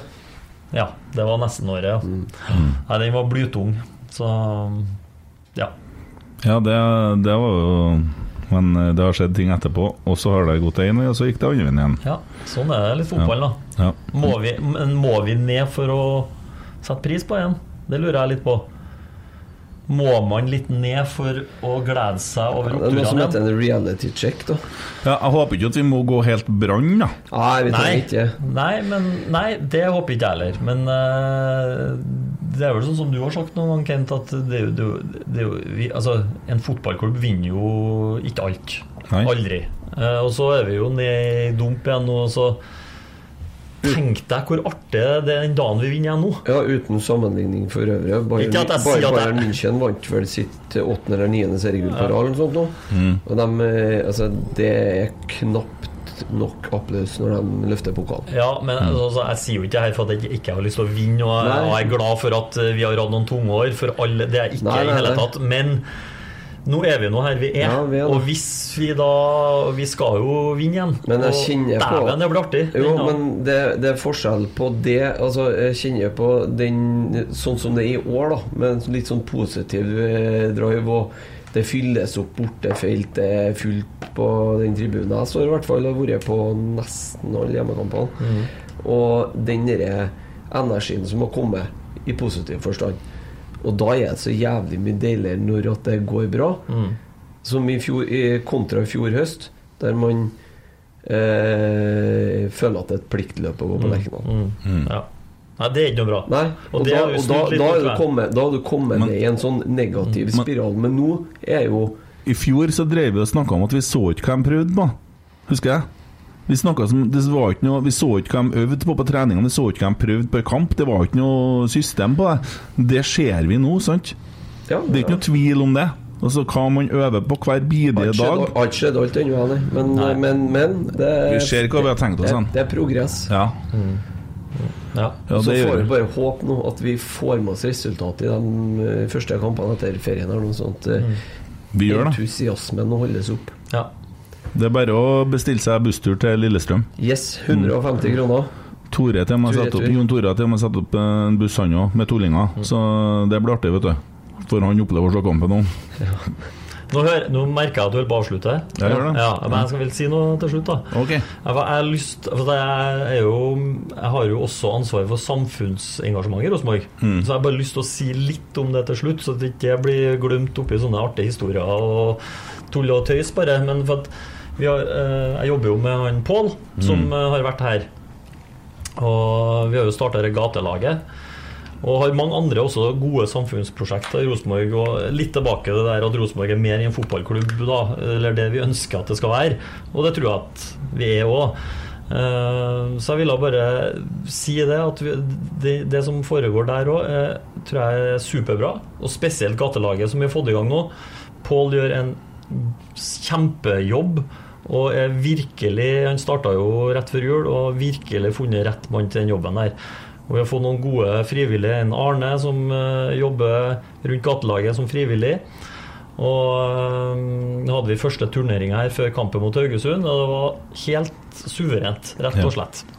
Det var magisk, og da var òg lauget der og servert gratis kaffe og vafler. Ja. Og de, uh, og de involverer seg, sant? Ja. og det er steinbra. Og så hadde vi veteran Midt-Norge, som er de gamle FN-veteranene i byen her, som også tilbød seg, kom til Rosenborg og spurte hva kan vi hjelpe til med. Ja, dere kan hjelpe til med det. Ja, Da kommer vi fire mann hver tidlig, rigga bane, hjalp til å plukke søppel. SalMar-banen har aldri vært så ren som etter den cupen her. For å plukke snus eh, fra kunstgresset her. Mm. Nei, det, det, er en skikkelig god jobb på gang der av en eh, Pål. Og så er det jo 15-20 spillere på hver trening nå som også gjør forskjell. Eh, utover og så bruke Rosenborg som en plass til å gjøre forskjell for folk. Og det er noe av det artigste jeg vet. da Mm. Det er artig å vinne fotballkamper, men det er faktisk like artig når du merker at du gjør en forskjell for folk. Så det vil jeg bare sagt det til slutt. Sånn, ja. Ja. Og RBK2 spilte nå på mandag, og knust Tiller, som faktisk slo Byåsen uka før. Og ja. juniorene leverte en Byåsen, da, dere, dere som er mye på Twitter, fikk dere med dere den tweeten fra Tiller? Nei, Nei. kampen? Nei. Nei, hva skal jeg? Eh, Tiller har stå for noe, de hadde kontroll, de kjører fullstendig kontroll over kampen. Kjører kampen helt. Så Roar Thorsen kommenterte under. Styrer ikke akkurat alt, da. Nei, Nei Rosenborg vant jo bare 3-1, og ja. det var et rent juniorlag. Til og med han og Sander, Sander Tangvik han var jo på landslagssamling, så han var annen keeper. Og, ja. og Agensen. Og noen fra de aller yngste som kom inn? Hammerås er leid ut til Brattvåg, mm. så, men allikevel så sto de og fikk straffe imot med 1-0, og keeperen redda straffen, og vi fikk en mann utvist. Litt uh, hardt dømt der, men allikevel så leverte Rosenborg 2. Uh, Rosenborg kvinner spiller kamp på Lerkendal. Uh, Hvilken dato var det? 12. juni. 12. juni. Klokka fire. Ja, og 13. juni kommer Ålesund på besøk. Ja. Uh, og spiller treningskamp. Uh, så det er mye å glede seg til. Og dere som ikke har fått plass på Kjernen før, det kommer til å fortsette å være fullt på Kjernen. Det går an å gå inn og kjøpe seg 365 sesongkort. Uh, det er som månedsabonnement, og da får du plass på Kjernen. Men ikke vent til nært kampen, for da er det utsolgt, og da får du ikke tak i sesongkortet. Men hvis du skal sikre deg plass, så går det an å gjøre det nå. Det er lurt. Helt enig. Ja. Åråsen og den 19. Åråsen blir utsolgt, punktum. Ja, hvor mange billetter får vi der, tror du? Ja, vi har jo hele kortsida der, da. Ja, Den gode gamle dager husker jeg at den var full. Den det. brukte å være full, og i den ja. Eh, råeste delen av Kåre-æraen 15-16 i hvert fall. Så, ja, så fylte vi jo utover ja. langsidene der, så vi hadde jo sånn hvit hestesko på enden der. Dere irriterer Lillestrøm noe grønnjævlig. At, uh, at trønderne driver og kjøper opp uh, på langsida. Mm. Så det er fullt mulig å sette Og hvis man vil sitte på langsida, så er det bare å kjøpe på langsida. Ja, og så blir det dårlige opplevelser. Jeg var på Åråsen i fjor, så jeg håper at det blir en annen opplevelse i år. Og, at, og, i tillegg nå så blir det på neste tellende hjemmekamp, så skal vi jo ha et Løvenes kongeshow. Der vi har Ole Sæter skal presenteres fra Løveklippen, altså så oppå Øvre Øst. Og det kommer en Harald Pedersen og løfter den opp der. Så kommer, står han og løfter den opp, og da kommer det en del musikk og sånn eh, i bakgrunnen, og det blir fantastisk. Og da har han blå strek i panna på han der, og det blir Ja. Så eh, det her Nå går det rett veien. Ja. Løveriket. Ja. Ha litt ferie først. Ja. Det må bli ferie. Ja. For dem som hører det her direkte eller ganske fort, da, så kan jeg, jeg, jeg kan love en god, god trailer på innsiden som kommer i kveld, og så kommer episoden i morgen. Mm. Veldig godt lova. Veldig godt. Ja. Jørgen Dawn Corlone Stenseth. Tusen takk for at du tok deg tida til å jeg håper en Geir Hansen hører på det her, sånn at han kan begynne å bruke det navnet her til daglig. Ja. Da får han tatt igjen. Så, mm. Ja. Takk for at du orka å eh, være med oss i to timer og 7 minutter og 38 Det sekunder. ble såpass, ja. Det ble det. ja nei, men eh, det er ikke, ikke noe problem. Og Christer, takk for at du eh, ja. Jeg Geir Hansen! Sjøl takk. Yes. God bedring, da. Jo, god bedring. Oi, Oi, oi,